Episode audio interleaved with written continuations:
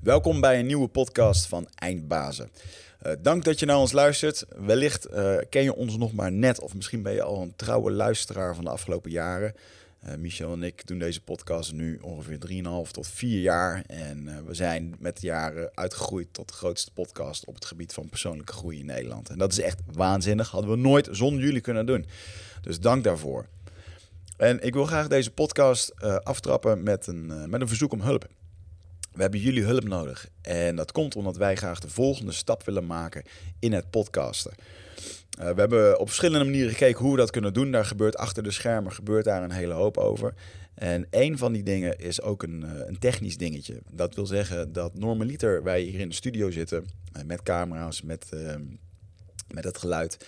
we nemen dat op en dat wordt dan later allemaal geëdit. En uh, soms komen Michel en ik wel eens tot de conclusie van... er komt er in één keer een podcast uh, online en denken... oh ja, inderdaad, drie maanden geleden hadden we dat gesprek. Dat was een goed gesprek. En um, soms uh, neemt dat een beetje de, de magie weg van, van het podcast. Hè? Want als je een tof gesprek wil hebben... dan willen we dat eigenlijk gelijk de lucht in gooien. En dan moet dat niet te lang wachten. Soms vind ik het ook wel eens vervelend dat ik dan op mijn social media enthousiast ben. Wauw, dit was een gek gesprek. En dan vragen luisteraars ja, wanneer komt het dan? En dan moet ik zeggen dat het pas over een paar weken komt. En uh, we willen het onszelf makkelijker maken. En we willen het uh, gaan doen zoals onze groot voorbeeld Joe Rogan in Amerika doet. Dat wil zeggen dat er in de studio, terwijl dat we aan het opnemen zijn, terwijl we aan het opnemen zijn, dat daar dan de beelden en het geluid wordt geëdit. En dat zodra het gesprek, gesprek klaar is, dat dan ook daadwerkelijk de, de aflevering online gezet kan worden. En dat zou betekenen dat we dus on the spot kunnen podcasten, kunnen opnemen en kunnen releasen. En dat zorgt er ook voor dat we veel actueler kunnen zijn. Mensen die medailles hebben gewonnen, mensen die hun boek uitbrengen, mensen die actueel in het nieuws staan. Er zijn zo ontzettend veel redenen waarom we mensen nu uh, in de podcast zouden willen hebben. En er zijn natuurlijk veel meer eindbazen dan slechts die 52 eindbazen die we nu per, uh, per jaar doen, omdat we iedere week willen releasen. We zouden veel meer kunnen doen. Dus dat is wat we jullie willen bieden. Meer content en op een snellere manier online. En uh, het aantal gasten dat bij ons in de studio wil komen, ja, dat begint ook steeds meer uh, een groter formaat aan te nemen. Grotere namen. Dus we zitten echt te popelen om daar mee aan de slag te gaan. Maar daarvoor willen we jullie hulp vragen. We hebben daarvoor technische apparatuur nodig. Die kost 5000 euro. En we hebben de afgelopen jaren echt tienduizenden euro's in het editen uh, in de studio's. We hebben drie studio's versleten. Uh, de camera's, uh, de, het geluid. nou, wat ik net al zei, het edit, het hele proces eromheen. En we werken daar iedere week kaart aan met een, met een team van vrijwilligers dat ons daarbij support. En dit keer hadden we zoiets van, weet je, um, we gaan het gewoon vragen aan onze luisteraars. Dus hierbij komt de jongens. Heb jij je ooit geholpen gevoel, gevoeld door deze podcast? Wellicht heb je mooie stappen kunnen maken omdat je bepaalde kennis kreeg of bepaalde inzichten. Of heeft het je geholpen in, in moeilijkere periodes? En, ja, om, om, om alles tot een succes te maken. Misschien je relatie, misschien je werk, misschien je privé. Als het je heeft geholpen op een manier en je zou ons iets willen teruggeven. Ja, dan zouden we dat heel erg waarderen als je dat wil doen via eindbazen.nl. Op de voorpagina staat een kop daar kan je naar onze crowdfunding pagina. Um, en je, je, mag een donatie achterlaten naar keuze. We hebben verschillende pakketten gemaakt. Je mag een donatie van een euro doen, van een tientje, van 50 euro. Uh, je krijgt een chocoladereep, een handgeschreven brief. Je kan in de studio komen met je vrienden uh, om een podcast te komen te bekijken op het moment als wij die aan het opnemen zijn. Of uh, je kan er zelfs eentje opnemen met ons. En dan kan je die zelf verspreiden op je eigen kanalen. Of als je zegt, nou, um, ik, um, ik ga jullie helpen. Ik vind het tof wat jullie doen. Ik betaal in één keer dat bedrag. Dan, uh, dan krijg je bij ons een plek uh, in, uh, in de eindbazenstudio. En dan releasen we die uitzending ook, omdat je dan voor ons echt wel een, een eindbaas bent. Um, nou goed, kijk eventjes op eindbazen.nl. Daar kan je de crowdfunding link vinden. nogmaals, wij hadden dit nooit zonder jullie kunnen doen. En we zouden het echt onwijs waarderen uh, ja, als jullie hulp, um, als je je ooit geholpen voelt door de podcast en je wil wat terug doen voor ons, dan is, het, dan is dit het moment om dat te doen. En uh, dan kan ik echt niet wachten totdat we hier aan de slag kunnen gaan met die nieuwe apparatuur. Uh, en nog gavere, betere uitzendingen maken dan dat we al hebben gedaan. Dankjewel. Eindbazen wordt gesponsord door Nutrofit. De webshop voor natuurlijke voedingssupplementen en trainingsmaterialen die je helpen bij het verkrijgen van Total Human Optimization. Nutrofit is hofleverancier van merken zoals Onnit, Natural Stacks en Bulletproof Coffee. Probeer onze producten zonder risico door onze money back guarantee. Bezoek ons op www.nutrifit.nl. Bestel je voor 9 uur 's avonds, dan zorgen wij dat jouw bestelling de volgende dag geleverd wordt. Dat was mijn PR eh 44-30 op de 10. Dat was ook best, eh, Dus uh, vind ik aanpoten. best eh, blij mee. Ja, al moest ik laatst wel. Wij zijn er nu hard aan het hardlopen. En ehm, ik had laatst, wat was het? Ik had eh, iets meer dan 10 kilometer in 55 minuten. Dat was mijn snelste tijd ooit. En Vervolgens zit ik van de week te kijken bij Thijs Lindhout, onze collega podcaster, eh, die, die dan op zijn Instagram aan het vertellen is dat hij het hardlopen weer even heeft opgepakt. Na Ja, ja, jaren ja. niet meer te doen. En die, het ging, zegt hij, het ging best goed. En dan loopt hij zijn eerste rondje, liep hij 45, in 45 minuten liep hij dezelfde afstand. Ja, ja, ja, ja, ja. Dus het is een beetje zo'n type hazenwindhond, weet je wel, die dan gewoon eh, Ik heb dat met Inzo loopt. van Tony Chocolonely. Die volg ik ook op Strava. Aha. En dan, eh, dan, dan doet hij even een rondje, weet je wel. En dan kijk ik naar die tempo's waarop hij loopt. Hij loopt alles op de 5 minuten per kilometer, geloof ik. Of zo. En dan zit het tempootje waar ik 6.30 loop. Ja. hij 5 minuten en zo. En dan denk ik, oh, holy fuck. Ja. Gast die loopt er gewoon af. Dat is, niet, dat is niet slecht voor iemand die alleen maar chocola eet. Ja, toch? goed, mooi. Right, back in de studio. Vandaag hebben we Gwenda Nielen. Gwenda of Gwenda? Maakt niet uit, wat jij wil. Oké, Gwenda Nielen. En ehm, ja, het merendeel van de Nederlandse bevolking zou je kennen van Expeditie Robinson. Wellicht. Wellicht. Ehm, maar je, je doet nog veel meer. Eh, want je werkt bij de Landmacht. We houden van de Landmacht. Vinden wij leuk. Nu, nu wel. Ja, nee, maar eh, om eerlijk te zijn, onze, deze afspraak eh, gaat volgens mij al drie gastenboekers bij Eindbazen terug. Ja. Want eh, volgens mij heeft Marnix jou voor het eerst gecontact en eh, eh, nou, nu zit je er eh, eindelijk. Ja. Waarom duurde het zo lang, überhaupt? Eerst was er een probleem met het boekingssysteem, volgens mij. Toen Oh. was ik dubbel geboekt. En daarna was ik eh, in Burkina Faso. En daarna was eigenlijk, eh, nou ja, dit een beetje Ja. de eerstvolgende datum. Cool. Nou, is je bent er. Ja, je bent er uiteindelijk. Hey, ehm, laten we eens even. Nou, ik laat jou gewoon even jezelf introduceren, zoals je dat wil. Want dat kan je eh, het best. Ehm, wie is Gwenda Nielen? Ja, wie is Grenna Niele? Eh, ik ben eh, officier van de Landmacht. Sinds eh, nou, 1999 ben ik begonnen op de KMA. Kun je iets dichter bij de microfoon Ja. blijven zitten? Ja. Eh, in 1999 ben ik begonnen op de KMA om officier te worden. En ik ben begonnen bij Luchtmobiel. Om, eh, en een rode beret heb ik daar gehaald. En al vrij snel ben ik eigenlijk overgestapt naar ehm, nou, meer civiel-militaire interactie als vakgebied. Dus veel Mhm. met me bezighouden, want ik kom oorspronkelijk uit de geneeskundige dienst. Om me meer bezig te houden met eh, de menselijke kant van militaire operaties. En hoe kunnen we, moeten we daarmee omgaan? En uiteindelijk eh, ben ik sociologie gaan studeren. Ehm, en eh, aansluitend daaraan nog opleiding tot gedragsveranderaar gedaan. En zo ben ik steeds, me steeds meer en meer eigenlijk gespecialiseerd in waar militaire operaties via het informatiedomein ehm, een relatie hebben met menselijk gedrag. Dus hoe kunnen we omgaan met mensen in een militaire operatie? En ehm, nou ja, hoe kunnen we minder schade aanrichten, maar hoe kunnen we ook effectiever worden? En dat is een beetje nou, wat ik probeer te bewerkstelligen. Dat is interessant. Dus je hebt sociologie gestudeerd in je diensttijd. Ja, klopt. Ik weet nog vroeger toen ik naar een, eh, toen hadden die nog banenwinkels. Ging ik volgens mij naar een banenwinkel van het Corps Mariniers. En toen zei, toen, toen zat ik, ik werd heel erg, mijn ouders vonden het wel oké. maar er werd ergens ook gezegd van ja, maar het is ook wel goed om een vak te leren. En toen, toen nou in je diensttijd kon je dan wat bijleren. En toen zei die man elkaar zo, nou, je moet wel heel stevig in je schoenen staan. Want dat jij zelf in de boeken gaat zitten en je maat eh, andere dingen gaat doen. Gewoon eh, ja, daar bezig zijn in het militaire leven. Eh, maar dan heb je sociologie gestudeerd. En krijg je dat dan volgens een academie, eh, à la militaire academie, of krijg je dat op de, het normale burgerniveau? Ik heb het gewoon bij de Universiteit van Amsterdam gedaan. Oké, ja. En eigenlijk heb je binnen de landmacht een aantal specialisatietrajecten. Mhm. En daar kun je dan op een studieplaats solliciteren. En ik heb gesolliciteerd voor, een, voor eigenlijk die studieplaats. En eh, die heb ik gekregen. Dus ja. ik heb eh, twee jaar voltijd mogen studeren. Een pre-master en een master mogen doen. Oh, wauw. Omdat ze toch wel inzien dat je, nou weet je, de, de operationele co- eh, context wordt steeds complexer. En je hebt gewoon steeds meer specialisten nodig om dat goed in kaart te brengen en te begrijpen van hoe een conflict en de, het menselijk landschap en ehm, de dynamiek van zo'n conflict in elkaar zit. Mhm. en, eh, en dat je dus specialisten zoals sociologen en psychologen ook nodig hebt. Ja, ja. En eh, sinds wanneer komen we daar een beetje achter dat dat moet? En nou, ik denk dat eigenlijk ligt de oorsprong van het mensen opleiden als socioloog en psycholoog veel meer in de ondersteunende kant. Hè. Wat kunnen we onze militairen bieden zodat ze eh, zelf effectiever zijn? Dus meer in de ehm, gezondheidszorg kan bijvoorbeeld. En ik denk pas sinds een jaar of, nou, sinds 2013 of zo, sinds 2012, 2013, en dat we met een handjevol mensen hebben gezegd: ja, nee, maar je moet deze kennis gebruiken aan de kant van de operationele inzet. En niet alleen maar in de bedrijfsvoering, laat ik het zo zeggen. En we zijn denk ik met vijf man gaan pionieren. En langzaamaan nou ja, begint dat dan een beetje vorm te krijgen. En nu is er toch wel steeds veel, is er toch wel veel meer aandacht voor.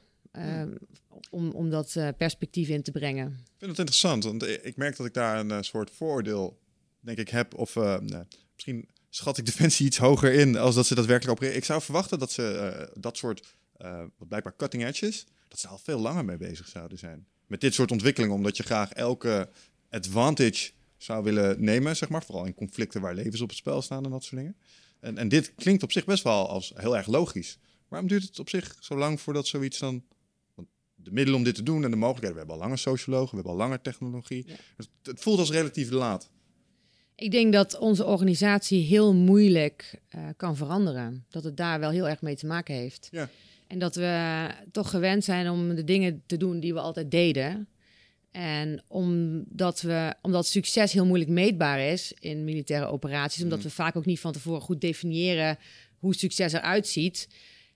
Ehm, gevoelsmatig falen we wel met enige regelmaat, denk ik, maar nooit heel hard. Dus zolang je niet het gevoel hebt dat je als organisatie keert aan het falen bent, is er ook niet echt de noodzaak eh, om je te veranderen, denk ik. En ik, ik denk wel dat sinds Afghanistan en, en Irak dat dat wel steeds meer is gekomen. Dat we daarom ook sinds die tijd, hier, dat er daarom ook meer aandacht voor is. Hè. We hadden in, eh, in Afghanistan hadden we al het Preventional Reconstruction Team, daar zat ik toen ook in. Ehm, maar dat ging echt nog wel op basis van veel meer onderbuikgevoel dan echt op basis van wetenschappelijke theorieën of onderzoek of ehm, bewezen kennis. We hadden bijvoorbeeld op een gegeven moment daar ehm, eh, was het idee, het was heel erg de discussie: is het een vechtmissie of een opbouwmissie? En het was een combinatie van beide. Maar dat beeld kregen we niet goed in de Nederlandse media, want die focussen eigenlijk alleen maar op dat vechtdeel van de missie, terwijl er echt veel ook eh, structurele opbouwinitiatieven waren. En toen had iemand bedacht, als we nou knuffeldieren uitdelen aan kinderen, dat is een heel mooi beeld, wat het waarschijnlijk goed doet eh, in de media. En dan kunnen we dat beeld een beetje nuanceren. En toen dachten we, ja, weet je, dat, kan, dat voelt gewoon echt niet goed of zo, hè, om dat te doen. Heet manipulatie in andere. Nou, maar een beetje ook, die, Ja. mensen, die mensen hebben ook helemaal niks. Ik, ik vond het op zich wel een goed idee om te zeggen van, we moeten beter laten zien wat we doen. Om dat beeld eh, realistischer te maken in de Nederlandse media. Maar ik dacht wel, ja, om daar nou voor knuffels aan kinderen te geven, die eigenlijk, die hebben niet eens schoenen, terwijl het echt min 10 is buiten. Of, eh, weet je, die mensen hebben echt zorgen van andere orde. Eh, maar we, dus we hebben dat wel aangegeven, laten we dat nou niet doen. Maar er was weinig tijd, want eh, weet ik veel, een of andere, misschien kwam de Telegraaf al langs. Dachten ze, nou oké, dat is een leuk item voor, eh, voor, voor, eh, voor hen. Dus we gingen dat doen. En dat was echt heel, ik, vond, ik, voel, ik voelde me echt heel bezwaard. Maar we hebben het dus wel gedaan. En uiteindelijk kregen we dus inderdaad ook berichten dat mensen gewoon bedreigd waren. Want wij hadden ze gewoon een westers, westerse mascotte eigenlijk gegeven. Want het is helemaal niet gebruikelijk dat, dat mensen met knuffels of kinderen met knuffels rondlopen in het land. Dus eigenlijk hadden we ze zelfs in gevaar gebracht. Eh, en dan denk je, ja, weet je, hebben we daar gewoon echt niet goed over nagedacht van ehm, welke waarden hebben symbolen daar? Hoe kijken mensen naar de wereld? Ehm, nou ja, allemaal dat soort dingen.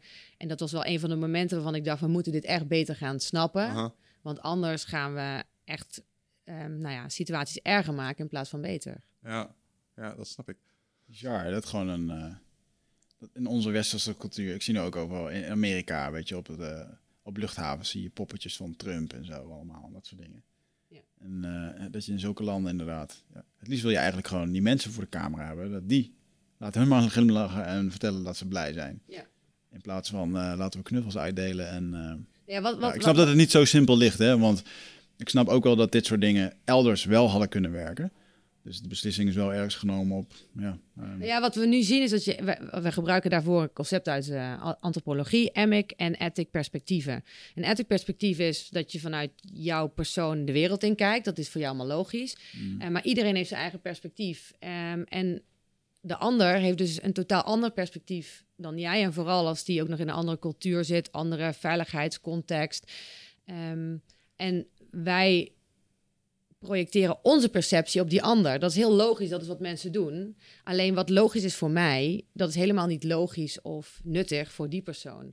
En dus ik denk wel dat we nu steeds meer proberen, laten we die mensen proberen te begrijpen om dan te doen wat werkt voor hen. Mhm. We zien dat bijvoorbeeld heel erg als we eh, buitenlandse troepen trainen. We hebben bijvoorbeeld van die programma's waarin we in Afghanistan bijvoorbeeld, in 2016 was ik daar onderdeel van, lokale troepen trainen. Om ze effectiever te maken in de strijd tegen insurgents, laat ik het zo Mhm. zeggen. Maar vervolgens gaan wij gewoon met een Nederlands of met een Duitse syllabus gaan we daarheen. En dan slaan we die open, dan zetten we er een tolk naast en dan laten we gewoon onze lessen vertalen. En dan geven we dat aan, aan Afghanen. En dan loopt dan bijvoorbeeld een Duitse kolonel rond en die zegt gewoon, nou de basis van al het militair optreden is van Clausewitz. Ehm, en dat gaan we beginnen bij de core commanders om ze dat te leren. Terwijl het conventioneel optreden is iets totaal anders dan optreden tegen een insurgency. Ehm, en dan krijg je dus rare dingen dat wij ze leren van, nou, je hebt een artillerie-stuk. Daarmee kun je, dat is ervoor om in de diepe operaties eigenlijk in, je, in het achtergebied van een opponent, om daar kritische, nou ja, assets uit te schakelen, een Mhm. commandopost of zo. En vervolgens gebruiken zij dat middel om een dorp te bombarderen.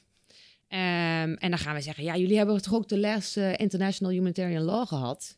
En dat mag niet, hè? Dat zijn eh, geen combattanten. En dan zeggen ze, ja, combattanten. Iedereen tussen de 3 en de 83 is een commandant. Dat is allemaal Taliban.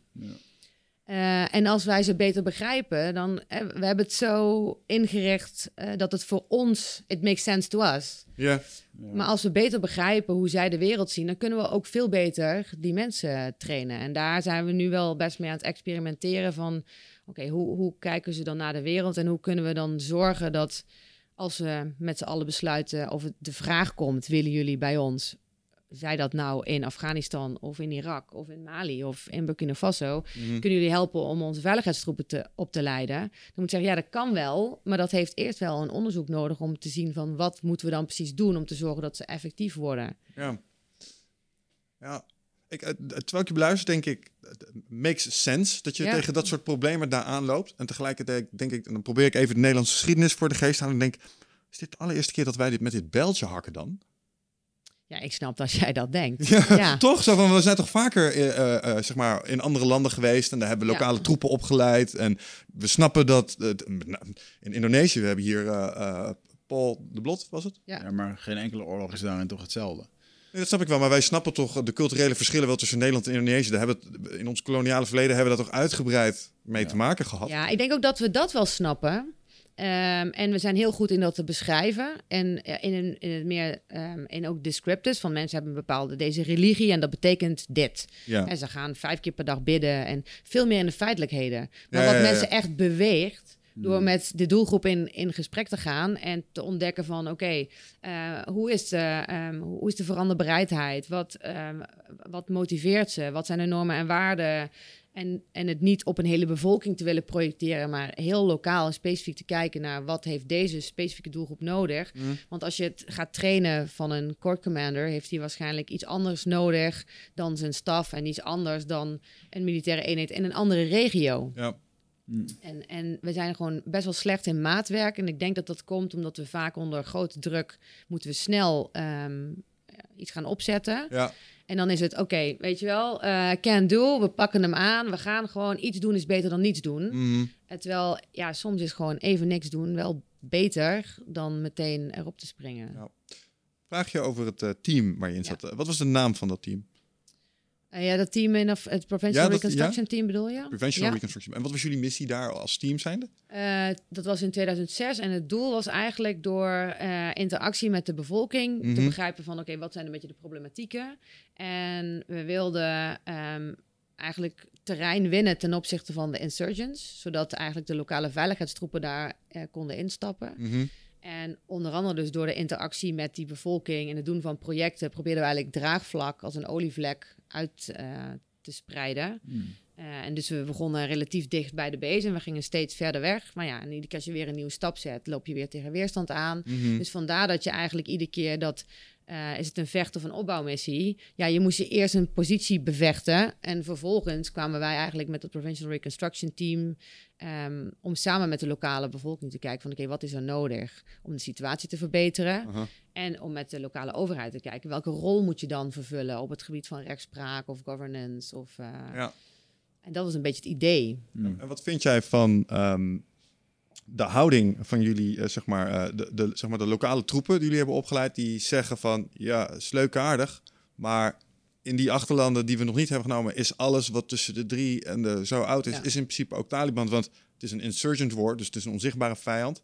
De mensen waar je smiddags een hand mee staat schudden en tegen staat te denken, die schieten je in de rug neer als je het dorp uitloopt. Is, zit, daar, zit daar waarheid in? Of is het toch wel degelijk mogelijk om... Eh, nee, ik denk dat daar wel een waarheid in zit. Omdat mensen zijn niet wel of niet Taliban. Mensen zijn aan het overleven. En als je moet overleven, dan is het misschien nu even ehm, slimmer om te overleven als je 20 dollar van de Taliban aanneemt of van IS of van wat dan ook, eh, om ergens een bermbom te leggen. En smiddags is het wellicht slimmer om met ons thee te drinken en te zeggen waar eh, een wapenopslag van de Taliban is, omdat je daar dan weer een bepaald voordeel mee doet. Dus ik denk wel dat het wel klopt dat het moeilijk is te identificeren en ook makkelijk dus is om te zeggen van eh, zij zijn allemaal wel of niet eh, Taliban, maar wat daar nog weer onder zit, als we dat beter hadden begrepen, dan hadden we waarschijnlijk geweten dat het dorpshoofd daar ehm, een concurrent is van een van de politiecommandanten op het gebied van drugshandel. Hmm. Oh, want dat soort dingen spelen natuurlijk ook gewoon Ja, mee. ja, ja, Het is allemaal heel pragmatisch en het is, niet, het is dus helemaal niet zwart-wit. En dat is ook waarom het zo moeilijk is voor een militaire organisatie. Wij zijn heel erg gewend vanuit eh, onze geschiedenis om te denken in ehm, oorlog aan en uit. Hmm. Weet je, dingen zijn zwart of wit. Maar dat is ook meteen het probleem met de huidige dreiging. Die is niet zwart of wit. Die is multifacetten, die is heel diffuus. En we vinden het dus ook heel moeilijk om daarmee om te gaan. Wat Mhm. een land als Rusland of China doet. Eh, want ja, het is geen oorlog. Eh, in ieder geval niet officieel. Eh, maar het is ook zeker geen peace. Er zit toch zeker wel eh, ehm, competitie richting conflict tussen ons in. Ja. En dat merk je daar ook. Het is heel moeilijk om daarmee om te gaan. En wat we dan vaak doen is het versimpelen met modellen. Dus dan gaan we zeggen van nou, dus die stam is over het algemeen pro en die is tegen. En dan gaan we op een kaart gaan we vlekken. Maar ja, als je die vlekken heel realistisch maakt, dan krijg je één grote Dalmatiër. Dus dan gaan we zeggen, nee, maar die vlekken zitten, dan maken we dat een beetje helemaal rood. En dan maken we dit groen. Dan maken we het zo overzichtelijk. Maar op een gegeven moment is het geen representatie van de werkelijkheid meer. wou zeggen, hoe waardevol is dat überhaupt, die exercitie? Om dat te doen? Want ik snap dat je iets van eenvoud wil aanbrengen in de situatie, maar hou je jezelf niet een beetje voor de gek als je dat doet? Nou ja, soms helpt het dus heel erg om een versimpeling te maken. Maar aan de andere kant, die versimpeling eh, beperkt je ook om ehm, de complexiteit te kunnen begrijpen. En ergens in het midden ehm, ligt, denk ik, ehm, de, de- zeg maar, de- waar het efficiënt is. Maar dat is wel moeilijk om, om erachter te komen. Ben ik, ben ik al te ver ah, in, in mijn modellering of doe ik nog recht aan de werkelijkheid? Het- zulke, ik snap, denk ik, de- ik, denk te begrijpen hoe ongelooflijk complex dat zou kunnen zijn. Ik heb waarschijnlijk nog geen enkel idee hoeveel lagen daarin zitten. En als ik dat dan op een afstandje bekijk, denk ik, jezus, waarom doen we dit überhaupt? Weet je, waarom zitten we daar dit soort lastige problemen op te lossen met eh, het gevaar voor levens, eh, een heleboel uitgiften van geld? En wat ik nog wel eens moeilijk vind is om, ehm, eh, ik snap dat er wordt verteld, ja, dit is voor vrijheid, dit is voor veiligheid, dit is voor stabiliteit zulke moeilijke, complexe problemen in andere landen, zeg maar, die eh, al eeuwen dit zelf fixen, om dat op te gaan oplossen. Ehm, en soms denk ik, ja, dat is ook eigenlijk wel zo. Wat hebben wij daar eigenlijk te zoeken? Maar ik weet dat er ook legitieme argumenten zijn om het wel te gaan doen. Maar soms vind ik dat lastig. Ja. Ehm, kun je me daar eens bij helpen? Eh, nee. Oh, nee, want ik vind het net zoals jij heel erg lastig eh, waarom je ergens wel of niet interveneert. Ja, Want er zijn ook heel veel conflicten op aarde waarvan je zou kunnen zeggen vanuit een menselijk perspectief, daar wil je iets aan doen. ja. En andere conflicten waarvan je zegt van ja, weet je wel, is dat dan aan ons om daarin te interveneren? Moeten wij vinden dat een bepaalde president, eh, omdat, het een, eh, een, eh, omdat het geen democratie is, dat hij daar niet zou moeten zitten, moeten wij daar dan wat aan doen? ja. Ehm, maar die politieke discussie, ja, daar vind ik heel vaak wel wat van. Maar ik werk voor een militaire organisatie die uiteindelijk invulling gaat geven aan keuzes die gemaakt zijn. Dus ik moet wel zeggen dat ehm, ik, ik heb daar wel eens mee geworsteld als je in, in Afghanistan loopt. Dat je wel denkt, ja, waarom ben ik hier? ja. Eh, waarom zijn we als Nederland hier? Maar aan de andere kant, als je ziet wat je ter plaatse voor een individu, individu op kleine schaal kunt doen, Mm. Dan denk je toch, ja, het is toch wel zinvol dat ik hier ben of hier ben geweest. Ja. En ik heb daar ook, daar heb ik juist ook geleerd dat, of gezien, dat als je een verschil kunt maken voor één iemand, waarom zou je dat dan niet doen? Hmm. En voor, voor mij persoonlijk. En dat het eigenlijk heel makkelijk is soms om het leven van iemand anders een klein beetje beter te maken. Ja, maar- dat, is- dat is iets wat je voelt op het moment dat je daar bent en iemand in de ogen kan aankijken. Ja. En het ook daadwerkelijk voelt en ziet. Wat vind je van het eh, argument, wie was dat nou, echt help me even, die dat laatst vertelde. Zo van, ja, maar je moet ook niet vergeten dat wij eh, in het Westen hier een soort schuld hebben in te lossen. eh, Ah. onze bondgenoten. Eh, want Mark ons, want wij ja. zitten daar voor een belangrijke reden natuurlijk ook omdat de Verenigde Staten daar belangen heeft.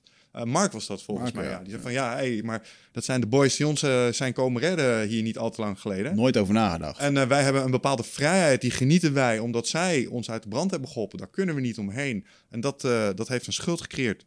En eh, mijn vrijheid is gekocht door hun bloed. Dus als zij hulp nodig hebben, moeten wij ook eh, mee, meegaan met hun. Ik denk dat je heel veel verschillende argumenten aan zou kunnen dragen waarom je ergens wel of niet zou willen interveneren. Mhm. Eh, en dat is ook een beetje afhankelijk van eh, wie degene is die met die argumenten komt. Maar wa- wat we nu zien is een heel veel verschillende ehm, belangen. We hebben onze eigen veilige, nationale veiligheidsbelangen. We hebben een bondgenootschap waar we, eh, waar we ehm, nou ja, een soort van verantwoordelijkheid hebben om met elkaar, hebben we afgesproken, we steunen elkaar in de keuze die we maken om ons gemeenschappelijk grondgebied te beschermen. We zitten ook nog in de EU. De EU heeft ook belangen. Ehm, die zitten veel meer op migratie. Dus die kijken veel meer naar wat kunnen we in Afrika doen om te zorgen dat ehm, we de situatie daar verbeteren, zodat wij minder immigranten krijgen. Ehm, ook afhankelijk van het politieke klimaat in Nederland hebben wij belangen. Dus je ziet dat al die belangen met elkaar tot een politiek besluit leiden. En ja, de ene keer denk ik, nou, ik denk dat het goed is dat we, dat we invulling geven aan de afspraken die we met elkaar hebben gemaakt in het kader van de NATO. En soms denk je, ja, weet je wel, is dat ehm, als je achteraf terugkijkt naar de invasie in Irak, nou, zijn we niet een beetje misleid. Maar ik denk dat je op dat moment, ehm, ja, maak je een keuze met de kennis die dan beschikbaar is. Ja. Iets waar ik nog wel eens ehm, eh, over nadenk, vooral de laatste tijd. Je gaf net terecht al aan, we zitten zeker nog in een eh, competitieve eh, dynamiek met onder andere Rusland en China. Wat, eh, we zitten op hetzelfde continent. Ik hoorde laatst in een Amerikaanse podcast iemand zeggen: hey, het is wel ernstig. eh, Europa is best wel een interessant continent. En het is al een hele tijd heel erg rustig. Eh, want normaal gesproken is om de zoveel tientallen jaar is er een oorlog. Een grote oorlog ook. En dat is al een tijdje niet meer geweest. En dan, dan denk ik daarover na, denk oh, ik hoop toch niet dat dat in mijn tijdspannen nog eens een keer van de grond afkomt, zoiets ernstigs. En dan hoop ik dat iets als de NATO ervoor zorgt dat dat niet gaat gebeuren. Maar dan kijk ik naar de Tweede Wereldoorlog, waarbij we een League of Nations hadden, eh, waar vervolgens ook invasie na invasie en niemand die deed iets, omdat niemand echt trammeland eh, zin had in al die trammeland. Ehm, hoe kijk jij daar tegenaan als je kijkt naar de recente ontwikkelingen? Is dat iets waar je je druk om mag maken? Eh, ik denk dat we ons wel druk moeten maken over de nationale veiligheid. En, maar misschien niet zozeer in de militaire zin van het woord alleen. Maar ehm, staten of grote actoren hebben meerdere manieren om invloed uit te oefenen op andere staten. En dus eh, ik, ik werk nu bij een counter-hybrid unit. En wat wij doen is, we proberen eigenlijk ehm, met de andere departementen een beter antwoord te vinden op die hybride dreiging. We noemen het een hybride dreiging, omdat het is niet alleen maar het gebruik van militaire machtsmiddelen, maar ook informatie als machtsmiddel, Mhm. diplomatieke maatregelen, economische maatregelen. En dat hele pakket zorgt ervoor dat ehm, eh, als je dat ehm, op elkaar afstemt, dat je een gesynchroniseerde aanval krijgt eigenlijk eh, om je eigen strategie na te streven. En, en wij kunnen daar last van hebben. Hè? Als je ziet eh, de economische middelen die China nodig heeft om zijn eigen bevolking straks te kunnen blijven voeden. We hebben gewoon te weinig resources, dus dat gaat conflicten opnemen, Mhm. opleveren. Water gaat conflicten opleveren. ehm, en je, kunt, je ziet nu al dat je met informatie best vergaande effecten kunt hebben Ja, ja. op gedrag van mensen. Dus ik denk dat we ons wel ze- zeker zorgen moeten maken over de veiligheid, omdat eh, als je de weerbaarheid van de Nederlandse bevolking tegen buitenlandse beïnvloeding bijvoorbeeld niet omhoog gaat, dan loop je het risico op ontwrichting. Als iemand het lukt om ons bankensysteem plat te leggen, mensen kunnen niet meer pinnen. ehm, Of kunnen niet meer betalen met een kaart. Mensen hebben niet meer veel cash, weet je wel. Dan Ja. binnen no time hebben we een probleem. Dus ik, ik denk dat het meer daarin zit.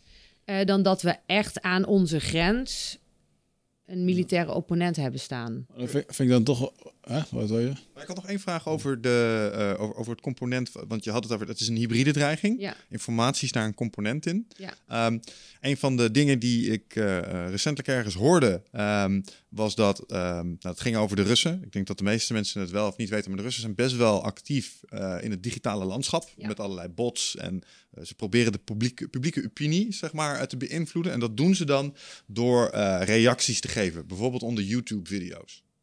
Oh? Eric Weinstein was dat, bij Joe Rogan, die zegt: Ik lees mijn comments. En toen moest hij, moet je niet doen, want daar, dat is eh, ka- kanker in principe, weet je wel, al die ellende op YouTube. En toen zei hij, ja, maar ik wil weten wat de Russen zeggen. En toen lachten ze over. Hij zei, nee, maar serieus, want die Russen zijn best wel fanatiek om online ehm, in bepaalde eh, communities te polariseren. Ja. Dus, eh, dus je weet dat als je in een vegan zeg maar community iets gaat roepen over dat vlees allemaal prima is, dan ga je een respons krijgen. Kun je Ja. donder op zeggen. Ja. En, en waar ze heel goed in zijn, is in, in dat soort politieke groepen onrust zaaien. En dan denk ik, oké, dat snap ik. Dan krijg je een soort eh, eh, eh, zeg maar ruzie binnen je gemeenschap. Maar hoe, destabil- hoe is dat echt een bedreiging of een, een plus in je, in je totale speelveld? Snap je? Ja, nou ik denk bijvoorbeeld als je het voor elkaar krijgt om ehm, ehm, die polarisatie uit te vergroten. ehm, dat heeft een direct effect op het stemgedrag van mensen. waardoor de vorming van een eh, nou, politieke eenheid heel lastig wordt. En op die manier kun je er dus voor zorgen dat een land vooral bezig is met interne problematieken, waarin we het eigenlijk nooit eens worden met elkaar. Moet er meer geld naar de zorg of meer geld naar defensie of moeten we gaan rekening rijden of wat dan ook? Ehm, mag je wel of geen hoofddoek dragen als je bij een gemeente werkt? Dat mensen zich met zoveel conflicten bezighouden, op alle niveaus, van laag tot hoog.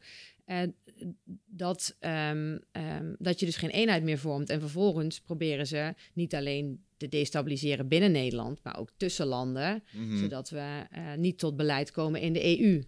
En daardoor zijn er meer mogelijkheden voor een partij als Rusland of China om kritische technologieën te kopen of om ehm, eh, olie te blijven verkopen. Want dat Mhm. is natuurlijk iets wat Rusland wil blijven doen. Zodat als wij met Europa een pact kunnen sluiten en zeggen van weet je, we kunnen het samen oplossen, we hebben die olie van Rusland niet meer nodig, hebben zij een probleem. Ja, je vermindert de slagvaardigheid van je opponent. Ja, ja, je pakt hem eigenlijk aan waar hij zwak is. Ja, oh, interessant. En, Ja. eh, en daardoor, ehm, en je probeert dus zelf je eigen sterktes te, te, te verbeteren. Ja. En eh, zo probeer je daar in dat totale spel van de inzet van alle machtsmiddelen ehm, als winnaar uit te komen. laat Wat ik ik er zo filijn aan vind is, ehm, ehm, niet al te lang geleden, 50 jaar geleden, werkten we andersom. Wat we dan probeerden te doen is zeg maar, ehm, gingen we over Nazi-Duitsland en dan strooiden we flyers en dan kwamen we ons gedachtegoed brengen, zeg maar. Dus wij zijn eh, zeg maar kapitalisten, jullie zijn socialisten, dus wij denken er zo over. Maar wat ze nu dus doen is, ze werken nog steeds met informatie, alleen in plaats daarvan gaan ze naar binnen en gaan ze, op de, gaan ze zeg maar in plaats van extern aan de buitenkant drukken, gaan ze aan de binnenkant gaan ze met informatie aan het werken. En dat is eigenlijk veel gemener. Hmm. Ja, het is sowieso veel effectiever, omdat een boodschap die algemeen is, net als een Siri-campagne, ja, die hebben gewoon bijna geen effect. Je, je moet een boodschap in, oké, wat is de zender, wat is het middel, eh, dat moet je afstemmen op de doelgroep die je beïnvloedt. En voor sommigen moet je dat dus doen op social media, kan dat heel goed. Hmm. Eh, voor anderen werkt het beter om te kijken of je eh, meer via de, de traditionele media iets kunt doen. eh, Mhm. Of inderdaad op YouTube onder bepaalde video's comments achterlaten. En wat ze ook doen is als er ergens een negatieve eh, narrative ontstaat over Rusland, dat ze eh, massaal daarop gaan inzetten om het onderwerp te veranderen in zo'n eh, blog bijvoorbeeld. Ehm, en dan gaat het ineens over, over heel iets anders. Ja. Dus dat soort dingen proberen ze ook. Het is wel bijzonder hoe dat ehm, de, geografie invloed heeft op, op het inzetten van dit soort middelen. Want in Rusland zit 80% heeft nog geen internet, hè? Wat in Rusland woont. Want woont, in de bergen. Doet. Ja, ik heb dat wel eens. Eh, ik heb vorig jaar volgens mij nog gelezen dat ehm, mensen dus nog juist met die pamfletten heel erg beïnvloed kunnen worden. Want die, die pamflet, dat krijgen ze en dat is waar. Eh, in Brazilië, waar mm, vrijwel niemand een computer heeft omdat het zo arm is, maar bijna iedereen een telefoon, is WhatsApp heel erg belangrijk. Dat hebben ze nu met die laatste president gedaan. Heeft de oppositie heeft allemaal ehm, memes en andere filmpjes verspreid dat de tegenpartij homoseksueel zou zijn. Nou, waar iedereen gelovig is in Brazilië, is dat echt een nat dan. Nou, daar is iemand eh, letterlijk gewoon in een week eh, gewoon eigenlijk ehm, qua, eh, hoe, hoe noem je dat? Ehm, Status? status gewoon Ja. helemaal kapot gemaakt. Dat kan je gewoon niet meer Nou, winnen. dat gaat dus precies over dat je dus je doelgroep kent en precies weet met welk middel en met welke boodschap je ze kunt beïnvloeden. Mhm. En want jij zegt eh, dat flyeren, dat werkt. Eh, maar in Afghanistan werkt dat heel slecht. Nee, omdat zeker, juist niet volgens zeker mij. in dat rural area, ze geloven eigenlijk alleen maar wat een imam zegt. Dus als jij Ja. met de flyer komt, dan denken ze, wat is dat voor... Ja. dat heeft helemaal geen waarde. Nee. Dus je, eh, dus je moet er goed over nadenken, eh, nou ja, hoe je zo'n informatiecampagne aanpakt. En ik denk wel dat zij daar behoorlijk goed in zijn. Ja. Manipulatie van de mensen is wel... eh is eventjes manipulatie meteen weer het slechte hoor. Maar moet tegen terugdenken aan die Netflix-documentaire van die Mossad... die dat ook zo deden. Die echt heel dicht bij bepaalde mensen gingen zitten... om, om jaren later iets gedaan te krijgen. Om iemand iets te laten ondernemen... of een beslissing te nemen in de politiek of wat dan ook. Dat is echt een... eh, het was heel smerig zoals dat daar werd gespeeld. Ja, en daar werd het denk ik gespeeld ook op individuen. Dus je, je, je weet van dit individu, die gaat dan later dat doen. Ja, En met dat informatieoperaties proberen we inderdaad ehm, meer te kijken, oké, wat, wat, hoe, hoe kunnen we bijvoorbeeld de bevolking motiveren om meer informatie te delen? ja. Zodat we een beter beeld krijgen van een veiligheidssituatie. En want je kunt bijvoorbeeld zeggen van, we willen dat, eh, als zij nou, eh, ze weten heel vaak, ze hebben vaak informatie over bermbommen in Mali bijvoorbeeld. Ehm, dan kun je mensen gewoon gaan vragen van, nou, eh, weet je iets over bermbommen? Of je kunt kijken, oké, wat is belangrijk voor die mensen en hoe kan ik ehm, ze zo benaderen dat ze die informatie met me willen delen? Wat moet ik regelen? Dat er bijvoorbeeld een telefoonlijn is die anoniem is. Ehm, maar dan moeten ze wel het nummer weten.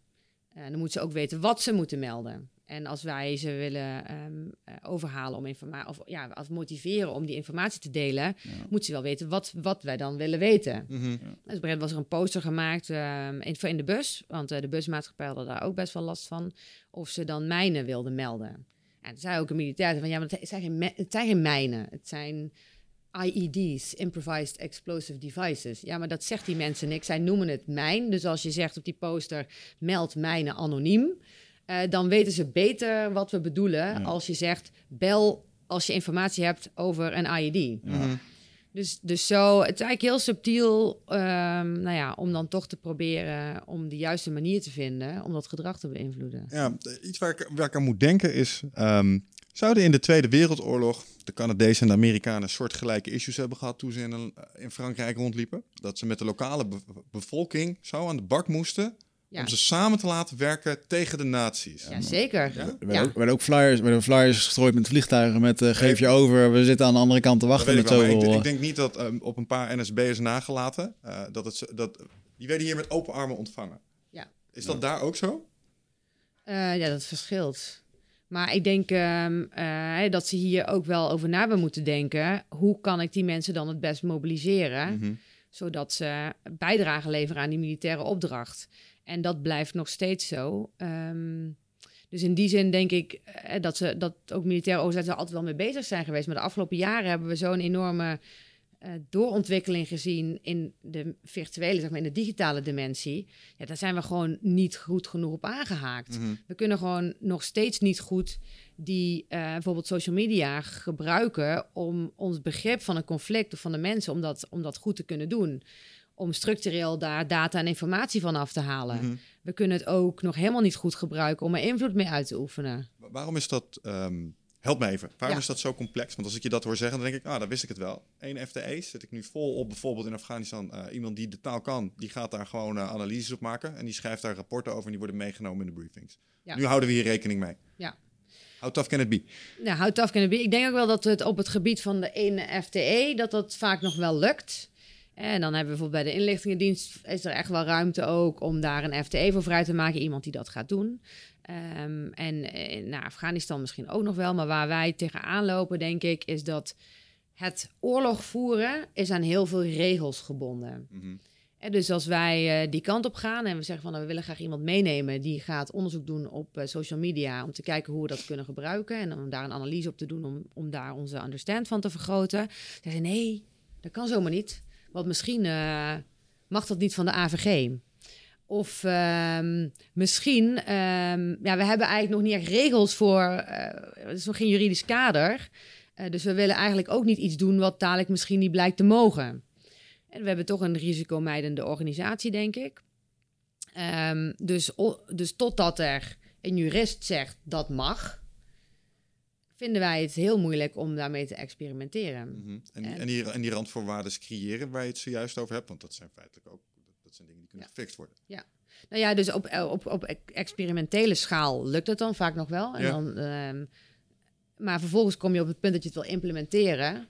En dan krijg je te maken met een bureaucratie waarin alle processen lineair zijn. Dus je moet eh, op dit punt al weten precies over vijf jaar hoe dat er dan uit moet zien. Hoe die kostenplaat eruit ziet. Welke middelen je dan allemaal nodig hebt. En dan begin je aan een aanbestedingstraject. En als je halverwege denkt, ik heb eigenlijk iets anders nodig. Nou, dan is het gewoon, ehm, u gaat, eh, gaat terug naar start.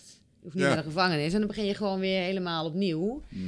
Eh, en daar zie je dat, hoewel we heel graag adaptief willen zijn, dat het voor zo'n grote organisatie, ik denk dat het eigenlijk voor alle overheidsorganisaties geldt, eh, dat dat moeilijk is. En daarom proberen we wel steeds meer ook met bedrijven, bedrijven in de arm te nemen. En dat bijvoorbeeld een bedrijf vragen van, zou je een social media analyse kunnen doen Ja. voor ons? En dan, dan kunnen we zien wat het ons oplevert, zonder dat we dan dus eigenlijk een militair dat te hoeven laten doen. En dan zo kun je langzaamaan eh, steeds een stapje verder zeggen, nou kijk, dit is heel nuttig. Oké, dan moeten we dat misschien in-house hebben.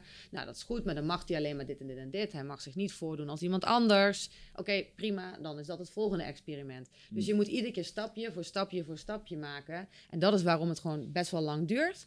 En ik denk ook omdat er toch nog wel bij veel militairen het gevoel bestaat van ja, wij, wij zijn, ehm, we hebben een machtsmonopolie. Ehm, en dus moeten wij heel goed zijn in het kunnen uitoefenen van fysieke, ehm, fysiek geweld in een fysieke dimensie, op een Mhm. geografisch gebied. Ja, en dan krijg je dus dat de hoofdfocus ligt op dat fysieke domein. En, en dat er dan wordt gezegd, ja, en dan uiteindelijk zeg maar een virtueel landschap of, een, of een, meer de cognitieve dimensie. Dat doen we er dan later wel bij. Maar die Mhm. dingen hebben, die, die kun je niet los van elkaar zien, die interacteren met elkaar. En ik denk als je bijvoorbeeld naar onze oefenterreinen kijkt, wij oefenen nooit met een, dat, dat we ook nog een virtuele dimensie en een cognitief eh, landschap hebben. Ja. Dat, eh, we zijn gewoon heel erg gericht op met spullen in een geografisch gebied. En dan hebben we een opponent die ongeveer gelijkwaardig vecht, een near-peer competitor. Eh, en dat is dan de basis om te trainen. En als we dan op inzet, als we nou een militair inzet hebben, dan zijn, worden we ineens geconflict, gecon- geconfronteerd met, eh, met die andere dimensie. Maar dan krijg je dus bijvoorbeeld dat ehm, een organisatie heeft een, ehm, een social media cel die heel actief is en heel effectief. Ja. Dan is het typisch voor een militair om te zeggen: kunnen we die 5G-mast eh, opblazen? Terwijl, ja, dan gaat gewoon iemand anders vanuit een ander gebied, logt in op hetzelfde account en dat, die activiteiten gaan natuurlijk gewoon door. Ja. En als je dat uitlegt, snapt iedereen dat ook wel. Maar het gaat om die primaire reactie. Eh, dat ik denk militairen zich gewoon heel comfortabel voelen bij die fysieke dimensie. Mhm. En zich steeds meer realiseren, we moeten echt wel met het informatiedomein. En, en we hebben ook in heel veel documenten staan dat je elk conflict begint en eindigt met gedrag van mensen. En we weten ook dat gedrag van mensen er wordt gestuurd door de perceptie die ze hebben. En dat we ze daar dus op moeten aangrijpen. Denk je niet dat Maar- eh, de, de omslag daadwerkelijk realiseren bin- binnen de club um, ligt in het demonstreren van de tactische voordelen? In, die, zeg maar, in dat fysieke component van die cognitieve en die informatielaag.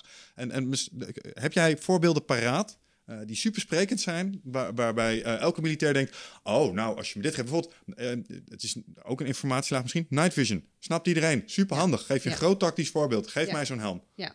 Wat zijn nog meer van dit soort ja, ik denk dat, dat als je nu kijkt naar tactische cyber, dat, dat daar wel echt nu eh, mensen behoefte aan gaan krijgen. Van ik, ik, ik, ik moet in een eh, urban environment gaan optreden. Ik wil gewoon een pineapple op een router kunnen plaatsen. Om even te kijken van oké, hoeveel devices zijn er aan verbonden? Wat zijn de locaties? Eh, misschien de mogelijkheid om een pushbericht eh, Wat te is een pineapple? Een pineapple is eigenlijk een, ehm, is een klein apparaatje wat vervolgens wat eigenlijk de router overneemt. Eh, dus je wordt zo van man in the middle. Dus mensen denken dat ze met de router contact hebben, maar jij zit daar dus tussen. Oh. En dat is super makkelijk te installeren. En vervolgens kun je dus zien van oké, hoeveel devices zitten erop. Ehm, en als mensen toegang geven tot jouw ehm, ehm, eigenlijk, dus de verbinding wordt verbroken, maar heel veel, eh, je, je simuleert eigenlijk dat je die router bent. Ja, en kun je ook eh, de, de, de informatiestroom die er doorheen gaat potentieel manipuleren? Ja, Dus dan kun je even... Oh, oké. Dus als mensen via het internet eh, eh, dingen gebruiken om een eigen tactisch voordeel te behalen, kun je potentieel de informatie die zij, bijvoorbeeld een digitale kaart of een GPS of zo, kun je daarmee... GPS zal iets zijn, maar als het internet enabled is, afhankelijk- kun je dat ligt een beetje afhankelijk van de beveiliging van de data en de apps en zo, maar je, dat, dat biedt gewoon hartstikke veel potentie, ook wat je voor social engineering. Hè, wat, we zelf, wat ze zelf hebben gedaan bij een oefening is eh, zo'n pineapple geplaatst. Eh, dus dan gaat eh, bij iedereen opnieuw contact maken. Of ze krijgen een bericht van: hey, de wifi is uitgevallen. Wil je opnieuw contact maken met die router? En dan zegt iedereen: ja, is goed. Eh. Ehm, en dan krijgen ze vervolgens een pushbericht van: wat leuk dat jullie meedoen aan de oefening. Wil je een gratis t-shirt? Vul dan even je naam in, je huisadres, je telefoonnummer en je e-mailadres. Nou, de helft van de militairen doet dat gewoon. Maar als ik dat kan bedenken, dan kan ieder willekeurige ander kan ook al die gegevens over onze mensen verzamelen. Ja. En wat daar dan weer de potentie van is, ja, daar, dat laat de creativiteit, eh, de, de geest van de gebruiker. Maar Ik zit me net te bedenken wat voor een nare ding je ermee kan doen op het moment dat jij eh, toegang hebt tot de mobiele toestellen van je tegenstander. Ja. Wat je daarmee zou kunnen uithalen. Ah ja, wat- je kunt afluisteren. ja, Je, kan er, eh, je kan er lawaai doorheen duwen midden in de nacht. Je kunt slaap ernstig verstoren. of, of, ze, of, ze, of ze gewoon het tegen elkaar opzetten in een vuurgevecht of wat dan ook. Ja, je ziet een voorbeeld in, eh, in Rusland hebben ze, of de, de, niet in Rusland, in de, de Baltische Staten hebben ze van een Engelse eenheid hebben ze persoonsgegevens van eh, Engelse, van Britse militairen gestolen. Daar hebben ze vervolgens allemaal op een seks-site accounts mee aangemaakt en die linkjes hebben ze naar het thuisfront gestuurd. Nou, zo'n eenheid is dus totaal niet meer inzetbaar. Ja, want iedereen heeft er allemaal aan thuis. Iedereen heeft gedoe thuis. Oh, ja, ja, En dan hoef je dus helemaal, weet je, dat zijn vele slimmere manieren om invloed uit te oefenen. Dan, en zo zijn wij dus ook heel kwetsbaar. Want ik denk dat eh, de meningen en nou, dat de meeste mensen er wel over eens zijn dat als het echt tot een fysieke slag met Rusland komt, dat we misschien tijdelijk en plaatselijk een slag zouden kunnen verliezen, omdat zij het momentum hebben, of tijdelijk en plaatselijk meer slagkracht. Maar dat maar dat, dat eh, van korte duur is. Eh, uiteindelijk hebben we als NATO. Maar, help, me- help me daar eens mee, want ik vind eh, Rusland wel een eh, bijzonder beestje. Ehm, want zoals ze bijvoorbeeld bij Oekraïne naar binnen zijn geslopen. Ja, ik heb dan het gevoel, oké, eh, we hebben gewoon toestaan kijken. Dat is gewoon gebeurd. Ja. En er wordt allemaal materieel neergezet. En ik, ik ben dan, op dat moment keek ik heel veel naar, naar Vice.com. Die zijn dan nog wel, vind ik, qua politieke uitingen en, en nieuwsslagging heel erg rauw. En gaan daar gewoon, en als je dat dan zag, dat was gewoon echt niet gezond. Ja, Tenminste, het, ja, het grootste creepy. deel van die campagne was ook informatie. Maar daar zijn ze al jaren geleden begonnen met ehm, ehm, mensen. En wat, precies wat jij zegt. Je weet, die komt straks in het parlement. Daar ga je nu alvast in investeren. Eh, maar ook informatie verzamelen eh, over mensen op basis waarvan je ze kunt eh, chanteren. Ehm, daar zijn ze al bevolkingsgroepen gaan beïnvloeden. Eh, nou, dus dat, dat wa- was gewoon één grote informatiecampagne. Er is, er is geen schot gelost in het begin. Ze zijn gewoon naar binnen gereden, het gewoon ingenomen. ja. En eh, is gewoon. Snap Ja, je? Dus dat, maar- dat- maar, er zit wel een hele voorbereiding aan vast. Ehm, ja, En dat gebied had natuurlijk ook een geschiedenis met Rusland. Dus Ja. dat, is, dat ligt net even anders. Ja, dat maar hebben ook ze gewoon precies het, uitgebuit op. eh, Ja. ja. het verhaaltje van, eh, eh, ja, wij vroegen dan waarom, eh, nou, waarom komen er allemaal militaire voertuigen naar binnen? Waarom zijn er allemaal mensen met bivakmutsen? Nee hoor, er is allemaal niks aan de hand. Krijg je allemaal van dat soort yes, ja, nee spulletjes. Het slaat helemaal nergens op. En dan denk ik, ja, en, en, als het dan een keertje tot een, eh, tot een oorlog kan komen, want Rusland heeft wel een hoop. Je zegt dan, eh, vind ik verbaast me nu eigenlijk dat je dan zegt van dat kan van korte duur zijn, zo'n slagkracht. Maar Rusland heeft toch wel een behoorlijk arsenaal slash leger. En ehm, waarom, waarom, zou dat, waarom zou dat van korte duur zijn? Het stelt mij gerust namelijk. Dit. Nou ja, nee, ja, goed. Als je het gewoon feitelijk naast elkaar zet, wat we als NATO op de mat kunnen leggen en wat Rusland heeft, Eh, dan valt dat positief uit voor ons. En daarom zeg ik, ja, tijdelijk en plaatselijk zou je daar wel eens een slag kunnen verliezen. Maar die oorlog, die verlies je niet. En en, ook- mannetjes. zijn Gewoon, eh, En uiteindelijk eh, ook de economie die daarachter zit in Rusland, die, ja, die houdt ook vrij snel op. Dat is hartstikke kwetsbaar. wat, een, Ja. wat een Hey eindbazenluisteraar, dankjewel dat je zit te luisteren naar deze podcast. Ik onderbreek hem eventjes voor een hele belangrijke boodschap. Of misschien liever gezegd een uitnodiging. Want op 24, 25 en 26 mei, dan is er weer een nieuwe editie van Rite of Passage. Dat is mijn retreat voor persoonlijke ontwikkeling. En speciaal voor de mensen die op zoek zijn naar, ja, naar helderheid. Of dat ze lastig bij hun gevoel kunnen komen. Dat ze moeilijke beslissingen moeten maken. En dat ze zo ontzettend in hun hoofd zitten ja, dat ze er eigenlijk gewoon niet meer goed uitkomen. Of dat ze misschien al heel lang in een, ja, een soort van oud gevoel zitten.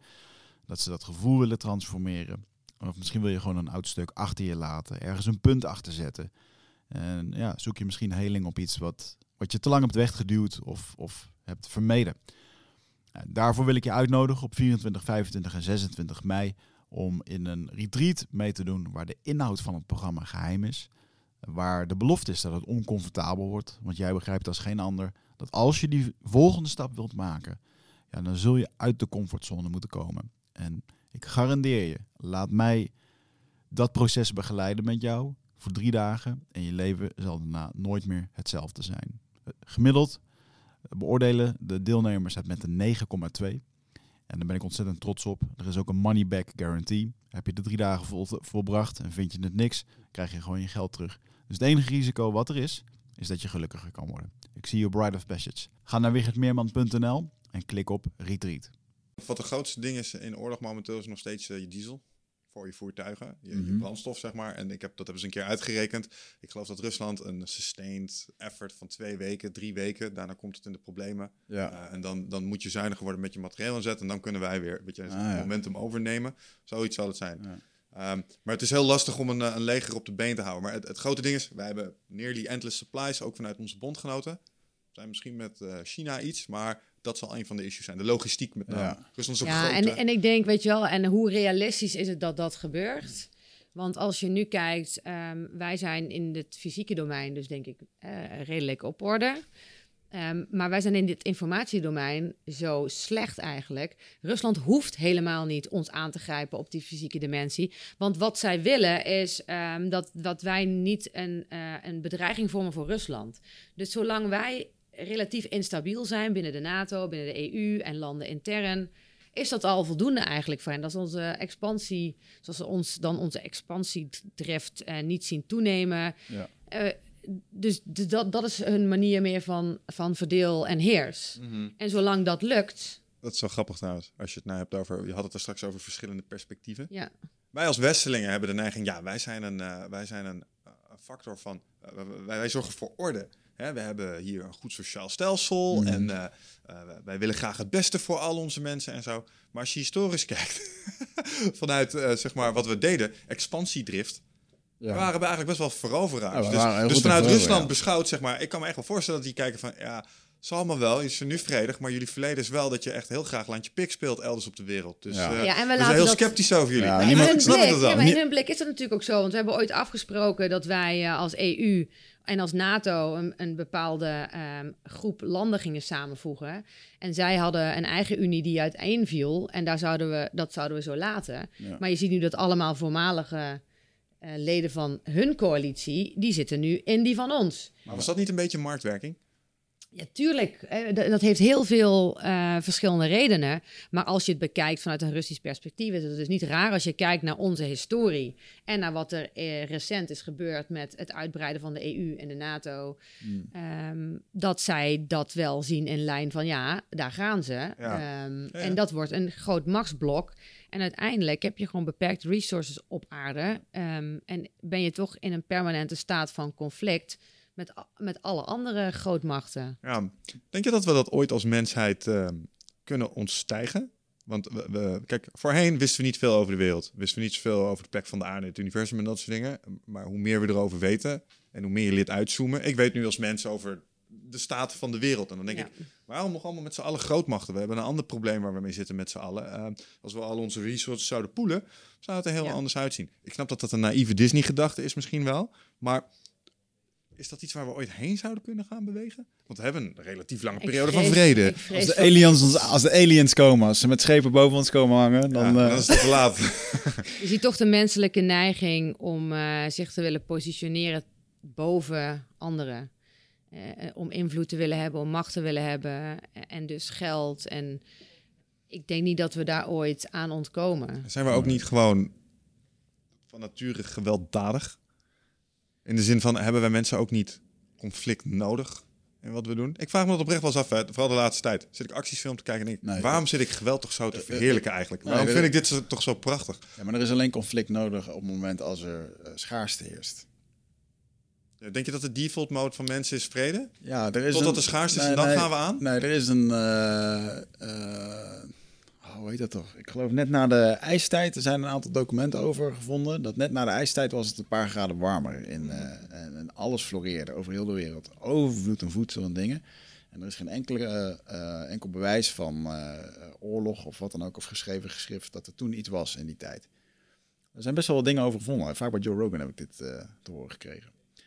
Niet dat het dan altijd per definitie waar is, maar eh, over het algemeen. Maar dat vond ik wel een hele mooie. Want ja, inderdaad, eh, het gaat allemaal over, eh, nu over olie en geld en dingen. Ik vind het wel heel mooi Dus- van een Poetin dat hij bijvoorbeeld dat hij weg probeert te gaan uit, ehm, eh, uit de geldstroom. Met het, eh, met het huis, wat gewoon een privébedrijf is in Amerika, die met de Rothschilds die dan allemaal het geld Oh, zo, ja, pompen en zo. Dat hij dat eruit probeert te trekken. En dat hij zijn eigen cryptocurrency probeert te krijgen, zijn eigen banksysteem. En, en ehm, ik kijk ook graag naar Poetin, hoe dat hij zijn interviews doet, waarbij hij eh, tv-reporters wel gewoon vertelt hoe dat hij het allemaal beleeft. En dat dan gewoon rauw wordt uitgezonden in plaats van alle fake news. En dan denk ik, ja, hij zit ook niet op een makkelijke stoel. Want kijk, zijn interviews wat op, over hem wordt uitgezonden op CNN, is niet de waarheid. Nee, dat ik. 100%. Ja, en dat is het probleem met de waarheid. Ja, Eh, Ze zeggen ook wel eens dat we in een eh, post-truth era leven. Weet je, niemand weet eigenlijk nog wat waar is. Ehm, en ja, waar moet je dan op vertrouwen? Mhm. Ik zie eh, ook wel dat onze media is ook gekleurd. ja. En ja, waar haal je dan je informatie vandaan? En, en wij hebben nog keus, denk ik, hè, om naar Vice te kijken of naar de BBC of eh, naar Russia Today, wat je dan ook wil, of naar allemaal, zodat je eh, verschillende perspectieven krijgt. Maar er zijn wel heel veel gebieden op aarde waar mensen gewoon maar één kanaal hebben waar ze toegang tot hebben. Ja, en dan ga je er maar vanuit dat het waar is. Al Jazeera is een voorbeeld. Nou ja, je ziet bijvoorbeeld in Afghanistan dat mensen zitten eigenlijk alleen maar op Facebook. Die Hm. gebruiken niet eens Google, die gebruiken dat, dat, eh, dat eh, zoekfunctie van Facebook om dingen op te zoeken. En alles wat daar wordt gedeeld, en zeker als het wordt gedeeld door mensen eh, die aanzien hebben, dat is dus waar. Mhm. En dat is wel heel gevaarlijk. Hè? Want je krijgt daar ehm, nog meer die echo chambers, waarin mensen vooral delen wat zij vinden dat waar is. Ja. En dat bij elkaar ook gaan voeden. Oké.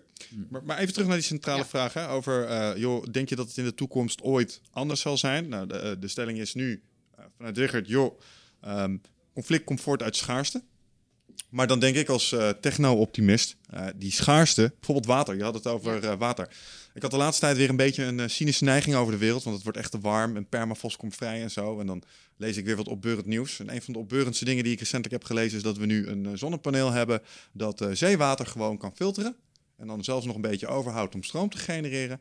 En zoals nou, Joe Rogan graag zegt, we hebben hier geen, we hebben geen waterprobleem, we hebben een zoutprobleem op deze planeet. Dus als we de zee weten te filteren, dan is dat probleem opgelost. Dus stel je voor, we zouden naar een situatie kunnen waarbij we landen als Rusland, China, waar het ook iets minder gaat, allemaal naar een gelijkwaardig welvaartsniveau zouden krijgen, of vrijheidsniveau. Is dat iets wat jij realistisch zag? Uh, hoeft niet volgende week Nee. geregeld te zijn. Nee, want ik denk toch dat ook al is er geen schaarste, mensen altijd de behoefte zullen hebben om, eh, om macht te hebben. Ik denk dat je wel ziet waar mensen samen zijn, dat er altijd een natuurlijke vorm van hiërarchie ontstaat. Ehm, er is altijd, of in heel veel gevallen staat er uiteindelijk toch een leider op. Ehm, en omdat die leider is, krijgt hij privileges. En omdat dat lekker is, wil je er eigenlijk meer. Ja. En ik denk dat dat systeem, eh, dat je dat, dat toch die neiging van die mensen om, om zich in zo'n hiërarchie te willen structureren, dat dat toch wel, ehm, dat er altijd mensen zijn die graag de baas willen zijn. Ja. Ik denk, ik denk dat dat ook klopt.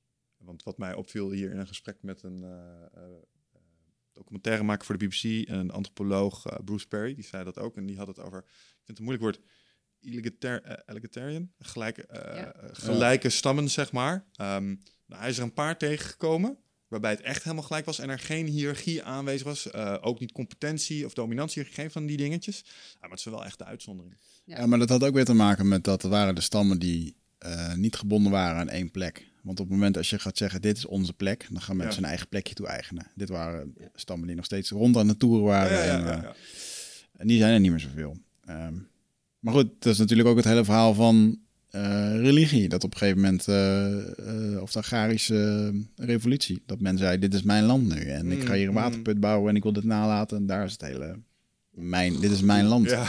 Daar, zijn, daar zijn landen uit voortgekomen uiteindelijk. Soevereine naties. Nou, ik denk dat ik het toch met jou eens ben over die aliens. Ik denk alleen dat we er een nuanceverschillen moeten aanbrengen. Ik denk dat als we kijken naar de menselijke aard, dat we die expansiedrift misschien maar gewoon moeten gaan voortzetten, zeg maar, buiten ons planeet. We gaan gewoon andere Ja. sterren Ja. veroveren en wat we daar tegenkomen overwinnen. Daar zijn we goed in. En ik denk Daar dat lijken we voor ik denk dat gemaakt te die- zijn. Unity is ook maar iets tijdelijks, weet je. Want eh, even heel gekscherend. Als de aliens hier nu komen en we, we staan allemaal samen eh daartegen te knokken, dan gaat dat goed. En er is, een soort samenhorigheid. En dit mag nooit meer gebeuren. Maar dat heerste ook na de Tweede Wereldoorlog. En dat heerste ook na eh, dat de Twin Towers in elkaar stortten. Mhm. Alleen dan, ja, daarna is er toch een soort van eh represaille of vindt iemand zich oneerlijk behandeld. Ja, ik denk ook wel dat je dat ook wel ziet binnen de defensieorganisatie. Je hebt ook een soort van vijand nodig. Om te kunnen blijven om staan. bestaansrecht te hebben en Ja. ook om eh, unity te krijgen tuss- tussen de militairen en binnen de overheid. En Ja. het maakt het gewoon makkelijker als je een vijand hebt. Dus Mhm. in die zin is eh, de dreiging vanuit Rusland ehm, ook wel instrumenteel. Kun- Kun je me als iemand eh, die eh, hier middenin zit ook helpen met het eh, volgende? Vooral op het internet. ehm, als je in bepaalde uithoeken komt en je krijgt het over oorlog, dan krijg je het ook al snel over de military industrial machine. En alle, allerlei powers that be die achter de schermen ook iets op dat geopolitieke speelveld voor elkaar proberen te krijgen. De, de geldverstrekkers, de wapenhandelaren en dat soort dingen. Ehm, hoe, hoeveel merken jullie daarvan? Of is dat misschien een beetje overtrokken? Of zijn dat echt wel dingen waar je soms mee bezighoudt of tegenaan loopt in wat jullie doen? Ik zelf weet daar echt helemaal niks van. Dat is totaal niet mijn expertise of kennisgebied. Dus ik kan daar helemaal niks over zeggen. Het enige wat ik ervan kan zeggen is wat we zien is dat die dreiging en de invloed heel complex is. Waarin we vroeger gewoon veel meer het gevoel hadden van je hebt eh, nou, het ene land tegen het andere. Het is heel overzichtelijk. We weten ongeveer van elkaar welke spullen we hebben, hoe we eraan zijn gekomen. Maar geldstromen worden onderzichtig. Hoe mensen invloed uitoefenen is onderzichtig. Hoe mensen op bepaalde posities komen is onderzichtig. Mhm. Eh, en, en dat is denk ik waar we nu mee moeten leren dealen. Dat onze operationele context is gewoon heel complex geworden. Mm. Ehm, en we kunnen niet meer alles begrijpen of verklaren. Dus we zullen met die onzekerheid moeten leren omgaan. En dat is echt heel moeilijk, want wij zijn gewend om een aantal aannames te doen. Die kun je dan parkeren en dan maken we het overzichtelijk. En op basis daarvan gaan we dan ons eigen eh, strategisch plan Mhm. opstellen. Dat, dat kan vanuit Nederland, maar dat in dit geval dus de, de, de militaire organisatie. Maar ja, als je dus een plan maakt op basis van een beeld wat de werkelijkheid niet goed vertegenwoordigt, dan, dan is de kans niet zo groot dat je slaagt. Aha. En daar komen we dus weer terug op dat onderwerp waar we het net al over hadden. Ik denk echt dat er een winst gaat, ehm, dat, dat er winst te halen is in de mindset van militairen. Dat we vaker falen. Hè? Dat we meer de noodzaak voelen om dingen te veranderen en te vernieuwen. Dat we leren comfortabel te zijn met complexiteit. Dat we gewoon oké mee zijn dat er unknown unknowns zijn. En ook heel veel known unknowns. Mhm. Heel veel dingen waarvan je weet dat je ze niet weet. Ehm, en dat het oké is, weet je, daar moet je het gewoon mee doen. En, en nu is het, eh, heeft dat best nog wel een verlammend effect op mensen. Ehm, en ik denk ook wat het als gevolg heeft, dat je dus ook blijft leren. Ja. Dat je continu eh, kennis blijft eh, tot je blijft nemen. en Met mensen in gesprek gaat. Vooral ook die niet in jouw lijn denken, maar die van buiten komen. Echt, ik heb de meeste inspiratie haal ik uit mensen die niet uit de organisatie komen. Of op een hele andere manier naar onze organisatie eh, Mhm. kijken. En ik denk dat die, waar we nu nog eigenlijk een hele smalle norm hebben van dit is hoe een officier hoort te zijn en dit is wat goed is, dat, dat je dat, tenminste ik zie in ieder geval dat die bandbreedte zo smal is dat we dat adaptief vermogen en die verandering van mindset Ja. niet gaan, gaan krijgen op die manier. En hoe, hoe, hoe fixen we dat wel? Stel, jij mag... de- deze podcast komt uit. Generaal, Ja. Generaal Swillens hoort dit en die denkt... Oké, we moeten- die die gaat dit fixen voor ons. Kom, eh, jij mag een plan gaan maken. Eh, het is de bedoeling om dit binnen zes maanden in ieder geval een stap de goede kant op te laten maken. Wat, wat gaan we doen? Wat gaan we toevoegen aan het curriculum? Welke oefeningen gaan we doen met die mannen? We gaan eh, een aantal dingen doen. Een eh, master degree voor alle officieren. En zeker de mensen in het management development traject naar eigen keus. Dus we gaan niet alle, iedereen eh, in de richting van politicologie of internationale betrekkingen. Mensen mogen het zelf weten. Of je nou technisch iets wil doen, of een sociaal eh, wetenschap gerelateerde studie, of je wil liever, weet je wel, antropologie mag ook, maakt niet uit. Klinkt Ja. als een academische verdieping. Waarom? Academische verdieping, omdat je eh, daardoor een andere manier, zeg maar, in de de- voor methode van onderzoek, als je dat beter begrijpt, kun je, ehm, en nu kun je relatief makkelijk met het schuiven van assen, eh, verbanden worden nu vaak gezien alsof dat causale verbanden zijn, bijvoorbeeld.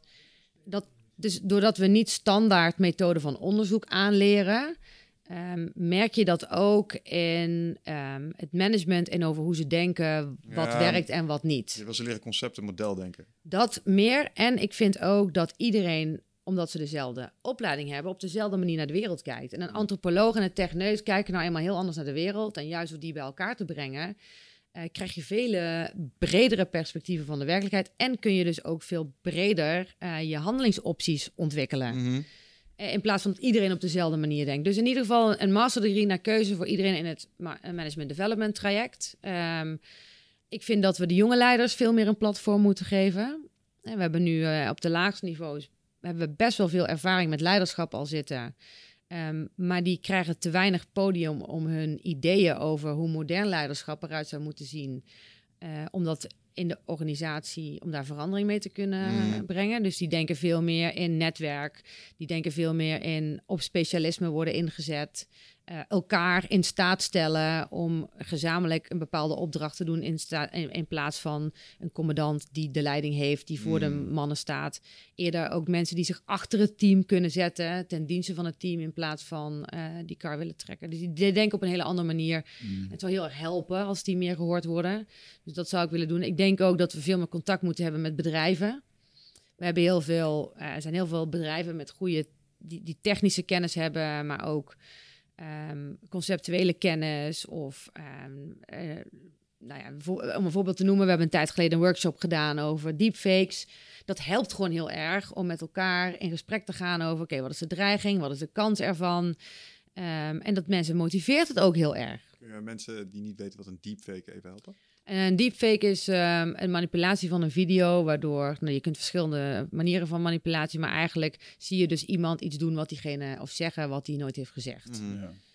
Ehm, en eh, dus je kunt bijvoorbeeld een video van iemand maken in een bepaalde setting en er een ander hoofd op plakken, waardoor het lijkt dat iemand ergens is geweest waar die niet was. Maar je kunt ook een, ehm, ehm, als je genoeg beeldmateriaal hebt van een speech, eh, kun je dat zo manipuleren dat je uiteindelijk iemand andere dingen kunt Ik laten zag zeggen. laatst die eentje die- van eh. Mark Zuckerberg inderdaad. Ja. En die was echt, eh wauw. Ja. Echt man. Ja. Als je dat gewoon op je mini-schermpje op je telefoontje ziet in de bergen van Afghanistan, dan eh, ja. He dan said what now? Ja. Ja. Wat? Ja. En, en, en zoiets, uiteindelijk zijn er ook wel weer heel veel manieren om dat te ontkrachten. Maar als je een goede deepfake met een goede doelgroepanalyse kunt doen vlak voor de verkiezingen, waardoor Ja. je ervoor zorgt dat een bepaald soort stemmers niet gaat, ja, de dag daarna is de stemming geweest, weet je wel. Dus dan kun je gewoon een hele politiek klimaat zou je ermee kunnen beïnvloeden. Hmm. Ehm, dus, dus, dus dat soort, dat soort, eh, ja, dat hebben wij niet in huis. En dat daarvoor, als je bedrijven aan Maar dat je gaat, dit gaat wel gebeuren, dit. Dit- Ja. Of het is al aan het gebeuren. Het is aan het Mm. gebeuren, ja. Zeker. En, eh, ehm, Ja, maar wij mogen ons helemaal zorgen maken. Van ons is er meer dan genoeg audio en beeldmateriaal om ons allerlei interessante dingen Ja. te kunnen laten zeggen. ja. Maar de impact daarvan is... Op dit moment niet- overzichtelijk, ja zeker. Ja. ja. Hooguit een ongemakkelijk gesprek thuis of zo, weet je wel? Ja, ja, ja. Ja, dat Waarom is- zei je ja. niet dat je dat ook leuk vond, weet Ja, je? ja, ja, ja, ja. Ja, maar, ik, maar ik zie het wel met een eh, ja, politieke dingen of een, eh, of een Trump of eh, zeker een land, eh, zo'n Brazilië waar gewoon eh, niemand heeft daar echt Ja. een idee wat daar, of laat ik het zo zeggen, waar armoede is, is vaak ook gewoon een educati- educatieve achterstand. Eh, en mensen nemen het gewoon. Het komt rechtstreeks op je telefoon binnen, dus het is waar. Dat is niet anders als een, eh, Mhm. als een krant die je vroeger las. Dus ik, ik denk dat het wel... En dan bijvoorbeeld, je hebt eh, kennis over gedragsverandering. ehm, van nudging tot meer duurzame gedragsverandering.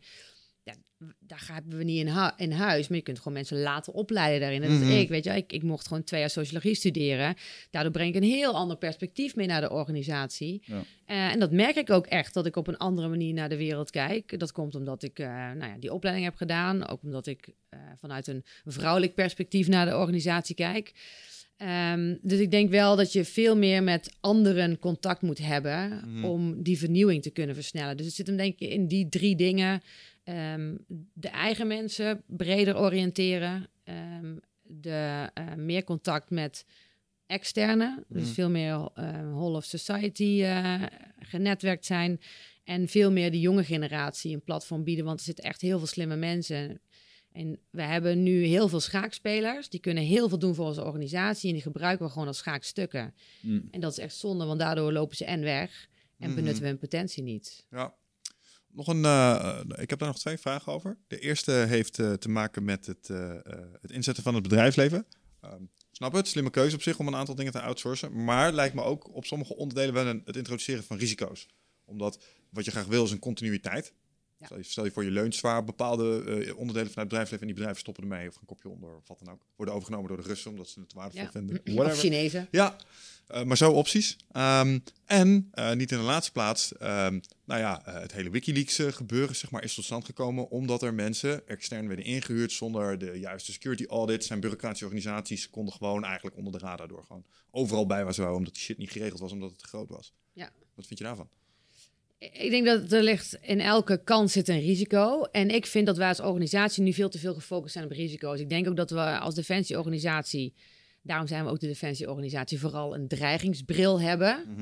Ehm, en daardoor vooral de risico's zien. En dat we best wel eens wat vaker kansen mogen pakken. Ondanks dat daar natuurlijk ook risico's aan zitten.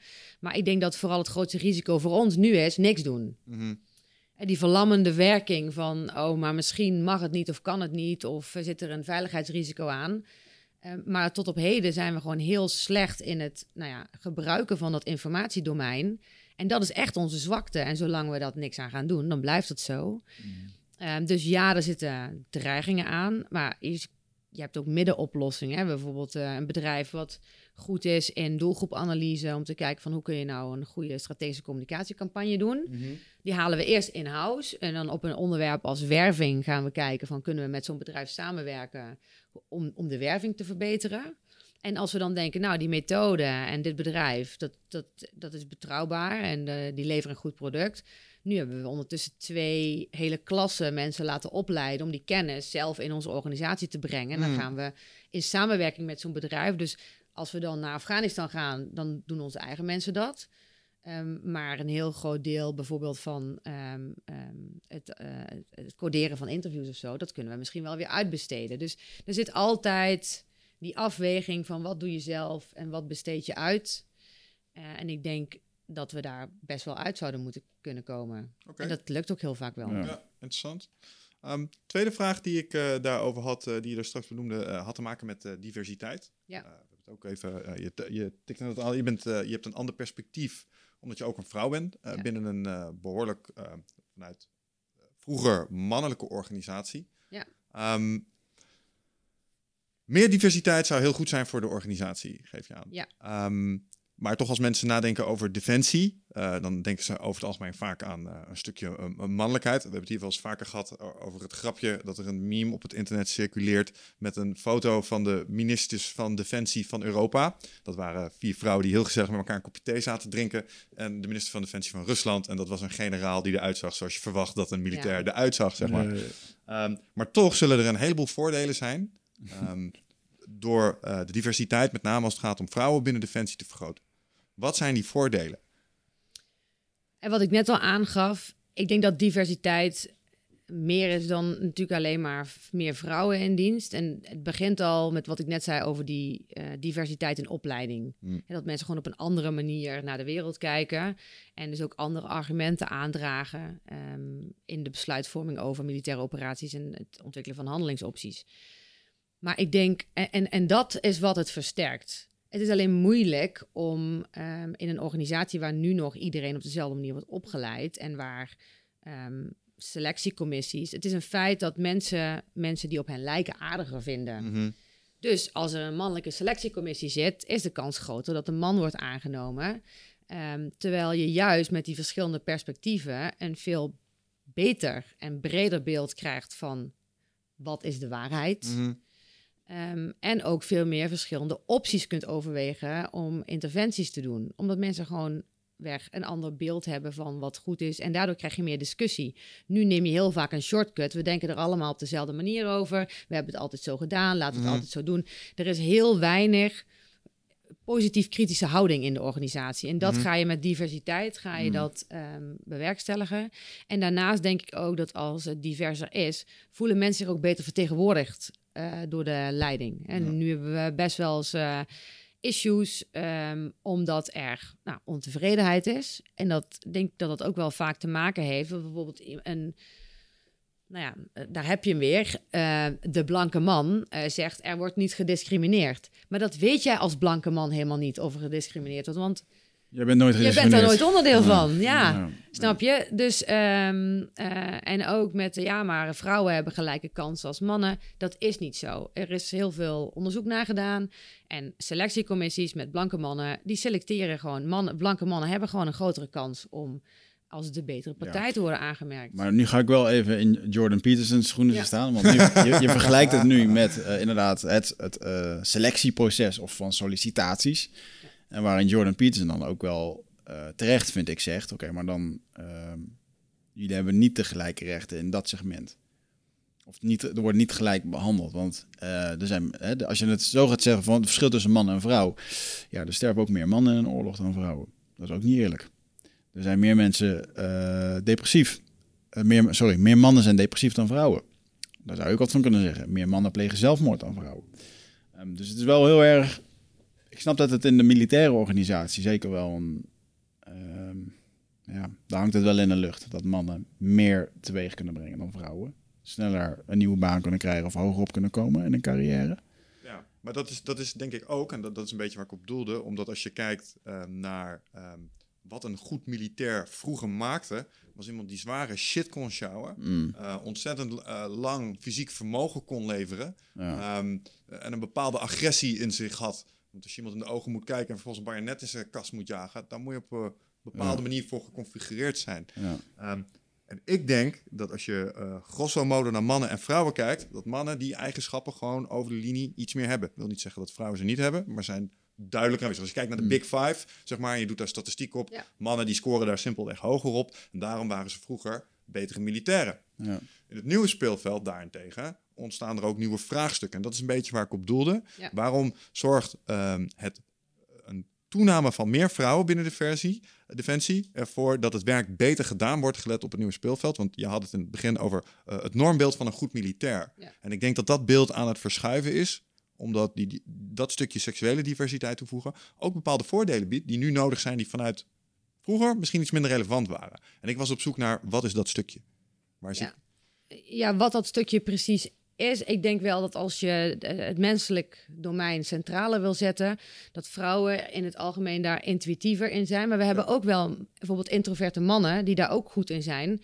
Maar die komen ook niet ook moeilijk eh, op posities, omdat ze niet voldoen aan dat normbeeld, wat toch een Mm. beetje extrovert, dominant eh, is, masculien qua gedrag. Ja. Want ik zie het ook aan mezelf. Ik heb na mijn opleiding is het mij heel goed gelukt om te assimileren. Eh, Ik ben niet geïntegreerd. Bij, bij integratie probeer je nog zoveel mogelijk van jezelf mee te nemen en je aan te passen aan de organisatiecultuur. Maar van ons werd echt verwacht: nee, je wordt geen landmacht. Jij bent de landmacht. Jij ademt de landmacht. Dus je wordt echt de landmacht. Ehm, en daarin ben ik ook zo geworden eh, dat ik, ehm, en ik had natuurlijk ook wel een beetje een masculine aanleg, eh, maar je gaat gewoon die rol spelen. En op een gegeven moment kwam ik erachter, na 15 jaar of zo, van oké, ik heb nu gestudeerd, ik heb een vak. Ik kan onderbouwen waarom ik vind dat de kant die we opgaan misschien niet altijd per se de juiste is. Ik kan dat eh, bouwen op theorie of op wetenschappelijke inzichten. Ik heb nu ook een rang waarin ik meer mijn mening, ik het gevoel heb dat ik meer mijn mening kan en mag uiten, waarin ik Mhm. ook zeer meer serieus genomen word. En toen dacht ik, kwam ik eigenlijk tot de conclusie van ja, maar nu ben ik eigenlijk pas mezelf. Ik heb dus 15 jaar een soort van in een malletje gelopen, Ja. waarin ik echt mijn potentie niet is benut. Nee. Ehm, en, en, en dat vind ik echt wel jammer. Dat als je. Ieder mens heeft bepaalde. ehm, nou ja. bepaalde potentie. Mhm. En door die norm zo smal te zetten, gaan mensen of zich daar niet aan kunnen meten en die vertrekken, of die gaan dat ehm, zichzelf opleggen. Ja. En, en door dus meer op diversiteit te zitten, ik denk, ik, ik weet niet of dat per se.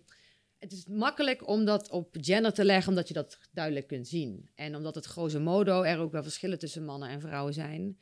Maar ik vind wel echt dat we veel meer naar de potentie van mensen moeten kijken. Want we hebben dus ook blanke mannen die introvert zijn en heel intuïtief. En die op een hele andere manier naar de wereld kijken. Of die juist eh, misschien aan het ADD-kant van het spectrum zitten. En die zijn ook weer, weet je, die passen ook niet in dat malletje. Mhm.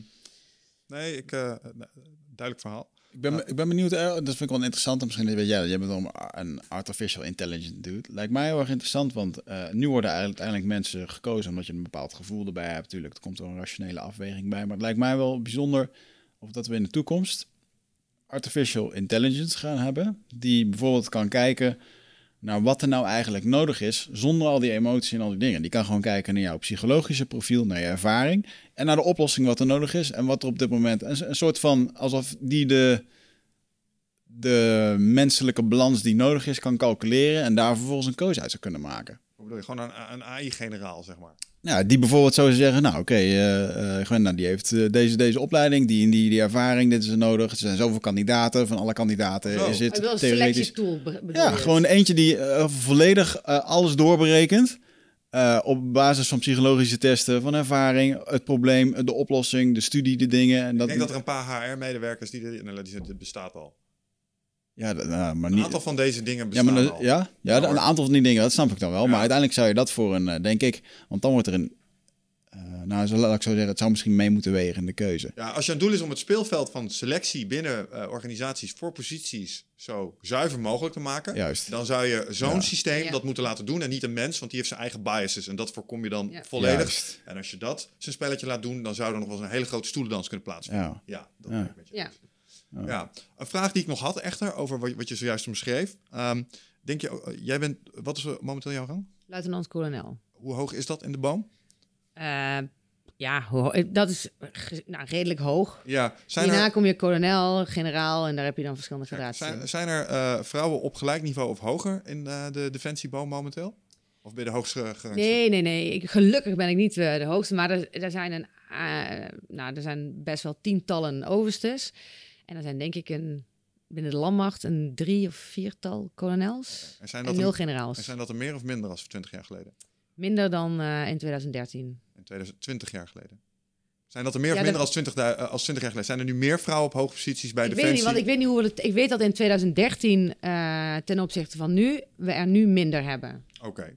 Maar wel meer als voor, zeg maar, in de jaren 50, in de Ja. jaren 60. Dus wat ik probeer te, eh, wat ik me afvraag is, is er niet een trend waarbij we zullen zien eh, dat als we nog 50 jaar in de toekomst zijn, dat de hoeveelheid vrouwen op hoge posities bij Defensie, om die diversiteit ook meer in de onderliggende lagen door te laten siepelen, zeg maar, ehm, dat dat waarschijnlijk is. Ik denk als je de trend doortrekt dat je, weet ik veel, over 50 of 75 jaar wel meer diversiteit hebt. Alleen we zien de noodzaak voor de complexiteit van de operaties en de omgeving dat we een diversiteit nu nodig hebben. En daarnaast hebben we ook eh, op het gebied van werving, we hebben gewoon vacatures. We kunnen onze organisatie helemaal niet draaien als we maar uit één specifieke categorie mensen aantrekken. Eh, en ik denk ook dat eh, als we eh, ons land vertegenwoordigen, dat je ook de plicht hebt om dat te doen met de vertegenwoordiging van het land. En niet met een klein segment daarvan. Dus dat zijn nog eigenlijk B-argumenten. Waarom je ook dat op de korte termijn, op een kortere termijn dan 50 à Is dat, is 75 dat, jaar is dat, bij, is dat bij Defensie echt zo? Wil je daar, nou ja, het ligt een beetje, ja, ik denk het, ik merk dat ik hier weer de bias heb van het vroege krijgsmacht. Zeg maar, op sommige onder, je kan niet iedereen meenemen in oorlog. Niet iedereen heeft een rol in dat eh, hele proces. Ik, bedoel, ik denk niet dat het ergens om een subselectie te maken van je mensen die bij Defensie werken. Bijvoorbeeld over de hele linie. Laten we bijvoorbeeld BMI als maatstaaf nemen. Of de mate van fitheid. Snap je? Je hebt mensen die de kunnen lopen. Je hebt mensen Ja. die het niet kunnen. Die laatste hebben er niks te zoeken. Nee. Nee, dat is zeker waar. Maar dat onderscheid wil je niet maken op etniciteit. Nee, nee, zeker niet. Zeker niet. Eh, dus, eh, eh, dus, dus ja, je hebt altijd een deel van de bevolking die wel of niet eh, geschikt is om bij ons te werken. Maar steeds minder is dat van belang. Want iemand met een hoog BMI, die kan prima eh, een hack doen vanuit hier. Mhm. En die hoeft ook eh, niet, die mag ook best wel dyslectisch zijn. Maakt niks uit. Ja. En dus we hebben ook steeds meer werk waar we juist heel verschillende soorten mensen voor nodig hebben. Ik denk dat we vroeger voor het werk wat we deden, dat voorbeeld wat je gaf met die bajonet zo tussen zijn ribben, eh, daar hadden we een type soort persoon voor nodig. Maar het werk wat we nu doen, met dat we eh, interactie met bevolking willen, dat we gedragsbeïnvloeding willen doen, dat we pineappeltjes willen plaatsen, dat we ehm, eh, systemen willen kunnen hacken, hebben we gewoon hele andere mensen nodig. En dus ook andere leiders. Ja, ja, ja, ja, ja, ja. Nee, ik snap het. Mm. Interessant. Even terug naar, of even een sprongetje maken naar eh, jouw eh, expeditie. Robinson. Want we hebben het over gedrag. En we ja. nou ja, we hadden, nou, wat ik interessant, we hadden van tevoren natuurlijk wel een beetje over eh, eh, hoe mensen zich kunnen gedragen. En ehm, eh, wat gebeurt er als je een groepje op een eiland zet? Op een onbewoond eiland en je zet er een camera op. Je hebt het natuurlijk, eh, we zien natuurlijk alleen maar wat er op televisie eh, wordt gepresenteerd. Eh, ik kreeg onlangs zelf de vraag of dat ik niet mee wilde doen eh, daaraan. Of tenminste, ik werd geadviseerd door iemand uit het wereldje van... Je moet, dit zou wel wat voor jou zijn. Ehm, want ik zou mezelf wel staande kunnen houden op dat eiland. En toen dacht ik over, ja, daar ben ik van overtuigd. Ik denk ook dat ik het leuk zou vinden. Maar ik heb geen controle over wat er uiteindelijk van mij op televisie komt. En het is niet heel moeilijk om... Ja, ik denk dat iedereen, zeker in termen van eh, als het 40 graden is, het is zwaar en er is weinig eten, dan is de irritatie snel gevonden bij iedereen. Maar ik vind het heerlijk om dat te horen van iemand die het heeft ondervonden. Ja. ja, daar zie je toch ook dat uiteindelijk, weet je, het gaat om winnen. Het, het gaat om het individu. Alleen, ik ben zo niet opgevoed. Binnen de landmacht gaat het altijd om het team. Het gaat niet om jou. Ehm, en dan zie je toch dat ik daar de boot heb gemist. In de zin van, ik was bezig met te zorgen dat we als team konden winnen. Weet je, laat mij maar hout sprokkelen of vruchten zoeken of wat dan ook. Ehm, terwijl anderen, eh, nou, die, die hebben daar ge- gebruik van gemaakt. Ja. Eh, Dus, ehm, en voor mij was het ook niet per se nodig om. Weet je, ik ben gewend om met verschillende teams te werken. Je hoeft niet allemaal vrienden van elkaar te zijn. Maar als je wil overleven, dan is dat het belangrijkste. En dan, dan merk je toch dat ik wel degene was die sociaal gezien de minste, het minst, ehm, de minste interactie had met het, eh, met het team. Ik, paste prima in dat team, maar ik denk dat er eh, twee subclubjes misschien wel waren. En dan zie je toch dat mensen uiteindelijk voor die sociale rust kiezen en mensen om zich heen willen Hmm. die ze aardig vinden. Ja. Dat is- dan belangrijker dan mensen die een bijdrage kunnen leveren voor het team. En Ja. eh, ik denk ook dat, ehm, nou goed, ik ben iemand die heel actief is en de hele tijd bezig en denkt van, nou, als we nu het dak kunnen maken, weet je wel, dan liggen we in ieder geval vannacht droog. Ja, als je dan hebt, zegt, ja, maar eh, kijk omhoog. Zo van, nou, waarschijnlijk gaat het vannacht niet regenen. Dat doen we morgen wel. Oké, dan denk je, oké, zal ik nu drammen? Want Dat is geen militair denken. ik, ik denk net zo, ik denk, hoezo je lijf? Kikkers, Kom op, aan de bak. ja, maar ja, weet je, ja, ik heb natuurlijk ook wel door dat eh, dat niet per se gewaardeerd wordt. Dus ik heb het geprobeerd om, eh, nou ja, zoveel mogelijk te doen zonder andere mensen daarmee te irriteren. Ehm, maar ja, ik was gewoon, en wel misschien een beetje een bedreiging eh, voor ze. En uiteindelijk ben ik, werd ik kapitein van dat team. Dat, dat draagt natuurlijk ook niet bij, want hoge bomen vangen veel wind. En omdat je kapitein bent, word je en in een bepaalde positie gemanoeuvreerd, die, eh, een- die niet echt... eh, die niet per se populair maakt. En daardoor moest ik iedere keer extra games doen, waardoor ik gewoon twee, drie uur van het eiland vandaan was. Ja. Dus ik, je bent ook een gelegenheidsdoel ineens. Want ja, ze is er twee uur, drie, tweeënhalf uur niet. Ja, dan ga je natuurlijk over mij praten. ja. Want waarover anders? Bizar, hè? Dat, dat, dat het oude systeem van eh roddelen, want roddelen is gewoon een manier om samen binding te vinden Ja. tegen de, Ja. de tegenstander. Of dat, dat zo, en dat komt er gewoon naar voren. En dan denk ik van ja, iedereen komt op dat eiland van ja, we gaan hier eens even een mooi spelletje spelen of misschien een leuk avontuur. Maar volgens mij ben je binnen twee dagen vergeten dat dat het is en zit je daar gewoon een soort van te overleven ook. Ja, nou, ik was er wel echt van aan het genieten. Ja. Ik vond het echt wel fantastisch. Ik kon, eh, werd echt 's ochtends wakker en dan denk je, wauw, weet je wel. Ik ben hier gewoon en er is geen telefoon, er is niks. Er is alleen maar gewoon blauwe lucht en vogels. En dat is ook helemaal goed zo. Ja. Ehm, dus ik vond het echt wel fantastisch. En dat je van niks iets kunt maken, dat creëren. Ik kreeg er heel veel energie van. Maar ja, je merkte gewoon dat eh, we andere ideeën hadden over. eh, een groot deel van het team dat iets van, nou, we gaan gewoon op het strand liggen, want we moeten energie sparen als we in de finale komen. Ja, maar als we fruit zoeken, dan het feit dat je iets aan het doen bent en het feit dat je dan iets vindt met suiker, dat die netto balans komt dan positief uit. En dan, nou, oké, maar je mocht niet alleen. Je, hebt natuurlijk niks bij je, dus je mag niet in je eentje die berg oplopen. Want als je op een slang gaat staan of je been breekt of zo, ja, wie gaat je dan vinden? Ja. Dus er moest altijd, als ik het idee had om fruit te gaan zoeken, of hout te sprokkelen, of iets anders te doen, ja, dan moest ik altijd wel iemand mee. Eh, en op een gegeven moment kreeg ik ook wel terug, dat hoorde ik zeg maar later, dat iemand ook zei van ja, maar doordat zij altijd bezig was, gaf ze ons het gevoel dat wij niet genoeg deden. Ja. Terwijl ik had zoiets van ja, weet je, ik ben gewoon, laat mij lekker bezig zijn. Ja, het, is hun, het is hun Ik perceptie. denk echt dat dat het antwoord is op een vraag die ik had. Want ik heb ook een keer naar Expeditie Robinson gekeken. En toen heb ik echt met volle verbazing zitten kijken dat ze iemand uit de groep stemde die, dat was een Belgische vent, een of andere eh, A-acteur daar. En die deed alles. Die maakte alle vuur, die ving vis. Dat was echt een soort... eh, die kon dat gewoon. Ja. En op een gegeven moment stemden ze hem met z'n allen eruit. Terwijl... Als hij er niet was, hadden ze ook geen vuur. Of eh, Ja. aanzienlijk minder eten. Maar het was inderdaad om het gevoel dat hij hen gaf. Ja. Zo van, hij doet het allemaal wel. Wij niks, dus zij zijn minder waard. Ehm, die gast is een bedreiging later in de spelletje. Wel een soort ubermensch, zeg maar. Die gaan we er nu gewoon uitstemmen. En dat vond ik eigenlijk vanuit een overlevingsperspectief zo dom. Ja. Eh, want die gast is een lange termijn resource, dus die zou je erbij willen houden. Maar ja, in een Mensen spelletje als zijn- Expeditie Robinson weet natuurlijk. Nee, en mensen zijn sociale dieren meer dan rationele dieren. zo- Lijkend, Ja. ja. Ja, maar het- en denk dan ook alweer, ja, we zijn lange termijn dieren. Maar hoe lang was dat? Je zit acht weken op zijn eiland, zo drie maanden? Nee, als je, nee, nee, nee, als je tot en met de finale is volgens mij vijf of zes, vijf weken. Ah, vijf, zes weken. Dus ja, het is een soort van lange termijn. Maar eigenlijk weet je ook dat het zes weken slash vakantieavontuur eh, maar zo spel is. rationeel loopt het helemaal niet. Het Nee. zit veel meer, zeker als je weinig eet en, eh, en weinig slaapt, gaat het veel sneller op die emotie. En dan zie je echt dat mensen sociale dieren zijn. Ja. Die willen liefst dat je met z'n allen, dat er duidelijke normen zijn over wat is het normgedrag, wat spreken we met elkaar af, we lijken op elkaar, we vinden elkaar aardig. Dat is belangrijker dan dat er iemand bij zit die misschien heel functioneel is, maar die een soort van sociale onrust veroorzaakt. Dat vinden mensen zo onaangenaam. Ja. Die, ze vreten liever minder, maar dat het wel gezellig is. Ja. Eh, ja, dat is heel raar. Wij verdienen alles wat ons overkomt. Maar ik denk, toch dat, ik, denk, ik, Ja, denk toch dat je, ik denk toch dat je misschien een iets andere dynamiek zou hebben als de spelvorm eruit zou zijn. Ja. En je met acht man eh, van de Titanic afzwemt op een onbewoond eiland. En je moet het daar zien te maken met z'n Ja, dat denk ik ook. Dat is een andere dynamiek. Maar goed, het neemt niet weg dat het wel... ehm, ehm, je haalt heel snel met dat soort dingen eh, de maskers die mensen op hebben. Die, Ja. die hou, je, haal je snel weg. Hoe ging je mentaal om met dat, eh, nou, volgens mij niet helemaal verwant, maar met het uitstotingscomponent? Want je voelt op een gegeven moment natuurlijk eh, dat, dat, dat er eh, sociale Het stromingen viel, zijn. het viel mee. Ik, ik had in ieder geval altijd, ik, ik had het idee dat ze me wel waardeerden voor mijn functionele aanwezigheid. Ja.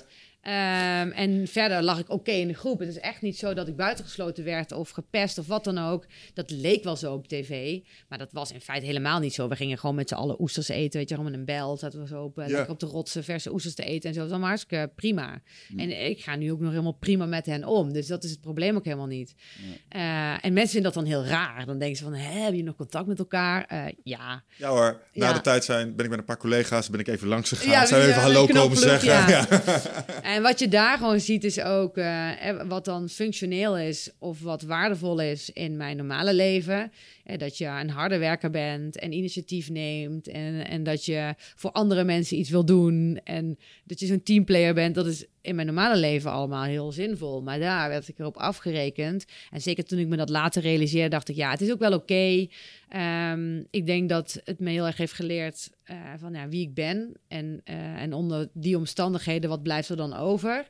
En dat wat je op tv ziet, is echt niet altijd een representatief beeld van nou ja, hoe iemand is in zijn totaliteit. Maar ja, en ik had die impact heel erg onderschat. Hè? Want je wordt natuurlijk op een bepaalde manier neergezet.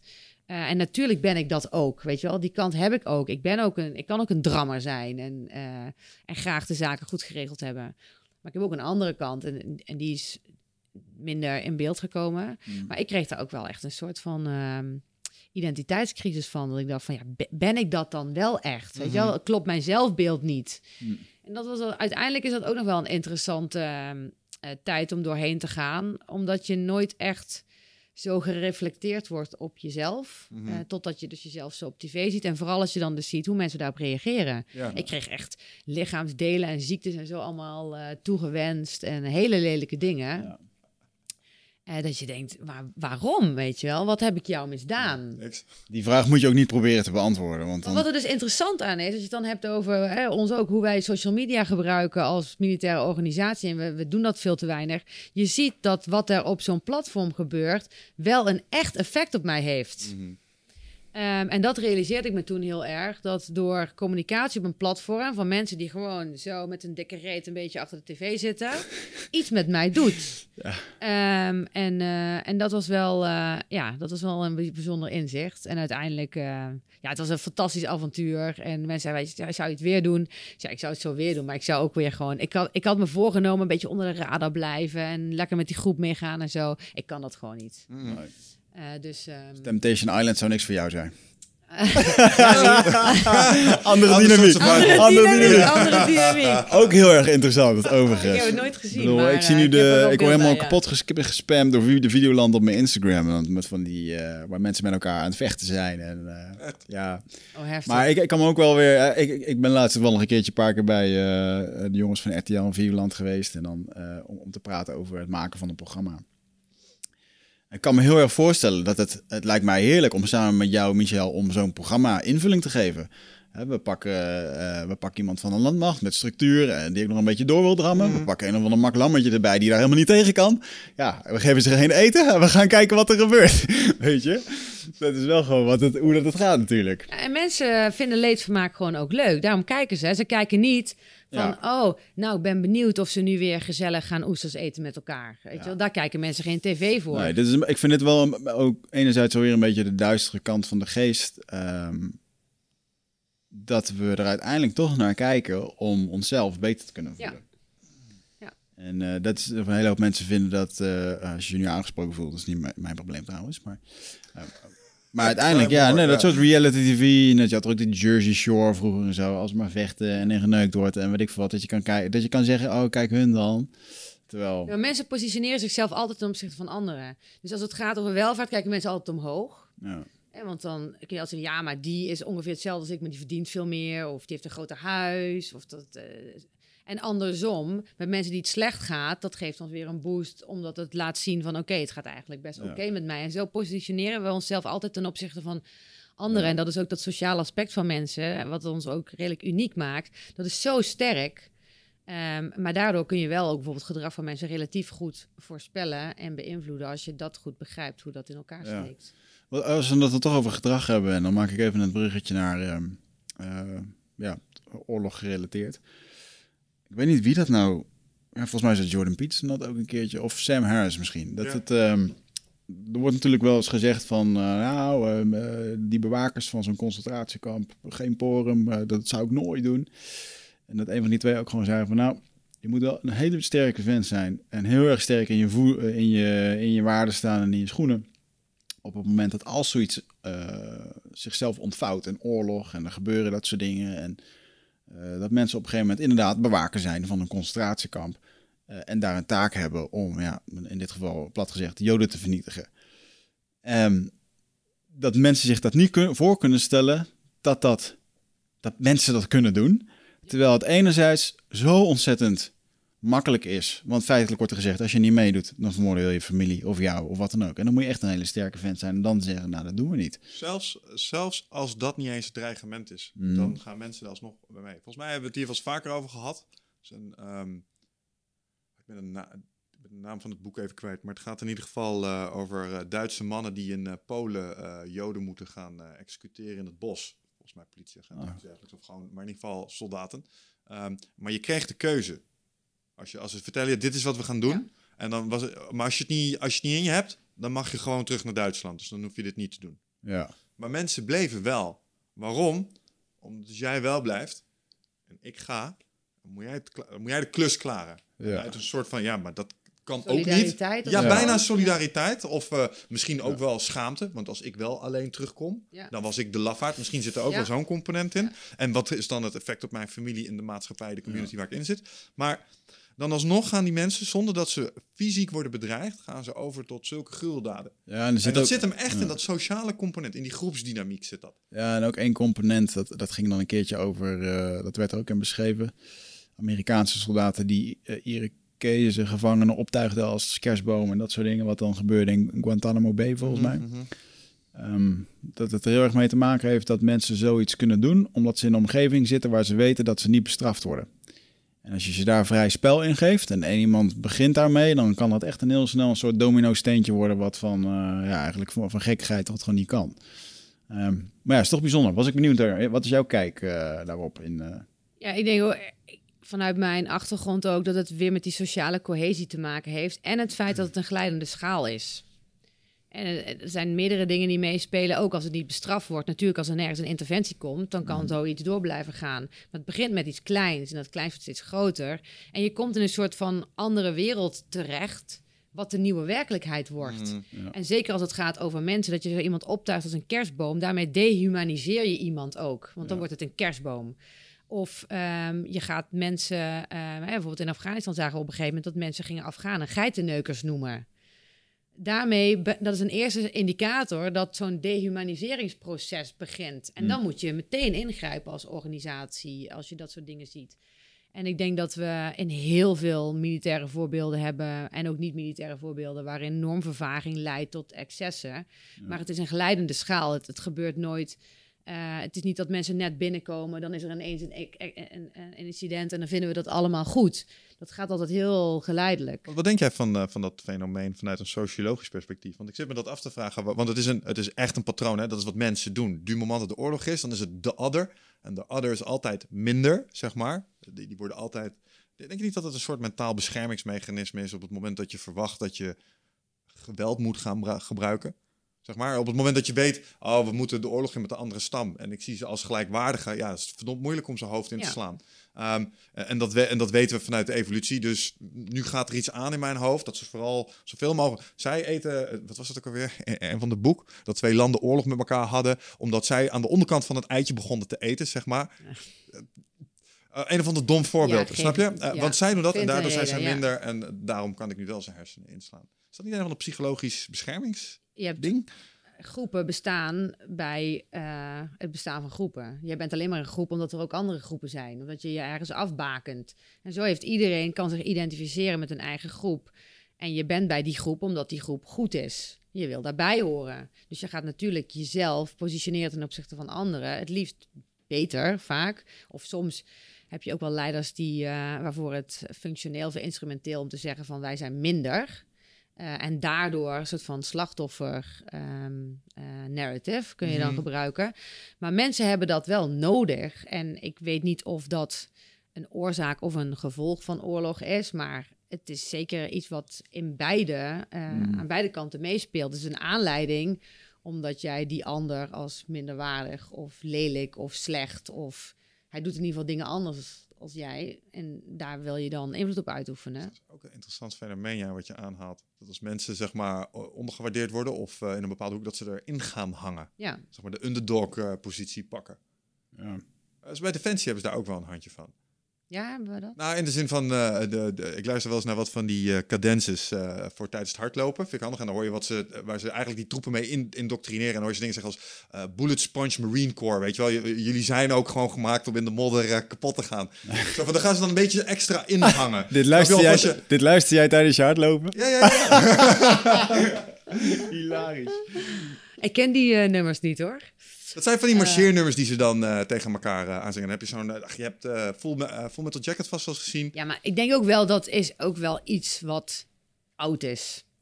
Hè, en daarin werd denk ik ook wel een militair door een meerdere in een mindere positie gedrukt. Van je bent ook niks waard en je moet gewoon doen wat ik zeg. En you're nothing more than a rifleman. Cannon Fodder. Dat had toen denk ik die functie. Maar nu eh, willen we juist dat onze mensen zelf nadenken. Dat ze zich realiseren dat elke tactische handeling kan een strategisch effect hebben. We, we verwachten veel meer van onze mensen. Ehm, alleen we zitten ergens op een omslagpunt dat we dat wel van ze verwachten, maar eigenlijk nog niet volledig het vertrouwen kunnen geven en dat mensen de juiste dingen doen. En dat zie ik wel tussen het zittende leider, eh, ja, tussen de zittende leiding en de wat jongere leidinggevende. Die voelen niet altijd dat ze het vertrouwen hebben van de organisatie, eh, dat ze de juiste dingen doen. Ja, ik heb het ook wel eens, dan zit je met een aantal mensen te vergaderen en dan zegt iemand, eh, zo, eh koep aan het voorbereiden. En dan, weet je, in ieder geintje zit een seintje. En dan heb je toch mensen verzameld omdat je de organisatie beter wil maken. En dan ben je kaart aan het werk. En dan zegt iemand zo, hè, koep aan het plegen. Ja, Hè, toch, ja dat eh, zijn of, we, inderdaad. of dat een leidinggevende zegt, eh, Ja, ja, weet je, als mensen thuis werken, dan moet je toch maar afvragen eh, of ze wel echt aan het werk zijn. En ik, serious? Ja, maar dat is wel hun eigen... ja, dat, daar ja, zit een eigen projectie Daar zit gewoon in, een eigen projectie in. Dus we hebben toch nog wel, denk ik, wat leidinggevenden die vanuit controle em, echt willen sturen op mensen. En dat we nog niet voldoende eh leidinggevenden hebben die mensen echt het vertrouwen kunnen geven op basis van, dat noemen we dan mission command, van dit wil ik dat je bereikt. Succes. Als je kijkt naar Defensie, is het dan terecht dat sommige mensen nog vanuit eh, eh, dat perspectief toch wel hun mensen willen aansturen. Voorbeeld, ik heb eh, leiding gegeven aan een groot IT-team. Ik zou het allerliefst willen dat het een, een zelfsturend autonoom team was, zeg maar, dat ze eigen keuze maakten. En daar had ik ook de wat mindere broeders eh, in zitten. Er waren mensen die zitten ik super bewust met hun beeldscherm naar de rest van de groep. Die wilden met hun rug naar een muur zitten. Nee, nee, nee, jij komt hier zitten. Waarom? Ik weet wat jij gaat doen. Je gaat Ja. niet werken. En dat probeer je te verbloemen op deze manier. Dus ik zet jou met de rug naar de groep. Kun je zien wat er op je scherm staat. Daar moet ik in sturen. Ja. Want als ik die gasten zijn zijn ding laat doen, dan levert hij niet de output van de rest van het team. Dus soms is het nodig om op zo'n manier te sturen. Of zeg je nee, dat zie je verkeerd, dat moet je anders oplossen. Ik denk dat dat misschien voor individuen werkt. Maar als je het dan hebt over eh, de sociale cohesie waar we het net over hadden, die kun je ook gebruiken om, eh, Het team het fixen. om, om het team te laten. Maar ik geloof niet in zelfsturende teams. Er is altijd iemand die het initiatief, die meer initiatief neemt of die vanuit een expertise de juiste persoon is om even de richting te bepalen. Hmm. Alleen waar, waar ik niet in geloof is dat je eh, een leidinggevende hebt die in alle situaties de beste persoon is om alle beslissingen te nemen. Eh, en soms moet je dat mandaat misschien bij een ander neerleggen Ja. of jezelf op een andere manier organiseren en een stapje terug doen. Dat je zegt van nou, ik sta meer achter het team. Wat hebben jullie nodig? In plaats van ik sta ervoor en ik vertel wat we moeten doen. Ehm, en ik controleer de output. Ehm, en, en daarin heb je ook, mensen moeten leren om maatwerk te, te leveren. En ik denk wel dat vertrouwen wel echt heel belangrijk daarin is. Eh, we hebben echt heel veel professionals. En ik vind ook echt, als ik soms met mensen praat, die hebben dan een beeld van onze organisatie. Hè, dat, er, dat we schreeuwen tegen elkaar en dat er heel veel directief is. Dat is echt absoluut niet het geval. Hè, mensen gaan heel normaal bij ons met elkaar om. Ehm, en er wordt heel weinig geschreeuwd en er is heel weinig directief leiderschap. Dat zie je in opleidingen nog wel eens of eh, in trainingen als dat echt nodig is. Of als mensen denken dat het echt nodig is. Maar over het algemeen gaan wij best wel nou ja, Maar? normaal met elkaar om. Zit er waarheid, wel waarheid in het beeld dat we hebben dat het misschien iets... Laat ik het zo zeggen, alle militairen die ik ken, die hebben een bepaalde kordate, directe Ja. manier van communiceren. Ja. Weinig, wordt weinig doekjes omheen gewonden. En als je dat vergelijkt met een gemiddeld eh, IT-team, Ja. die zijn veel diplomatieker, veel sensitiever. En daar heb je gelijk. En dat is ook een beetje waar ik naartoe wilde. We hebben toch nog wel sterk die hiërarchie in de organisatie. Met mensen die op een inderdaad kordate, eh, extroverte, misschien licht dominante manier. eh, wel ook wel best taakgericht. Ik denk dat we veel meer taakgerichte leidinggevenden hebben dan eh, mensgericht. Eh, voor zover je moet natuurlijk allebei. Hè, Hmm. maar, maar de neiging hebben om eerder taakgericht dan mensgericht te zijn. En daar is echt nog wel een slag te maken. Ja, duidelijk. Mooi. Daarmee het einde van deze podcast. Ik ook. Want Ik we denk zijn dat we een bijna op de beetje, twee eh, uur ja, zitten. We zitten ja. op twee uur bijna. Het Oh ja? voorbij. Wow, ja. Ja, ja, ja, ja. Ja. Het is inmiddels alweer vijf voor Er één. is wel Dus, heel veel eh, warm van gekregen. ik heb er ook last van. Het is ook benauwd buiten. Dus, eh, Hm, nou, we krijgen zo meteen de volgende podcast gast weer binnen. Dus eh, Ja, hey, ehm, nog even. Je, Ja. Naast je werk bij Defensie doe je ook eh, als zelfstandig nog een aantal dingetjes. Stel mensen horen hier iets over, vinden het inspirerend. Denken, hey, mijn team moet eens een keer eh, deze dame eh, voor de groep hebben staan om, eh, om ze daar wat in te leren. Dat doe jij dingen in.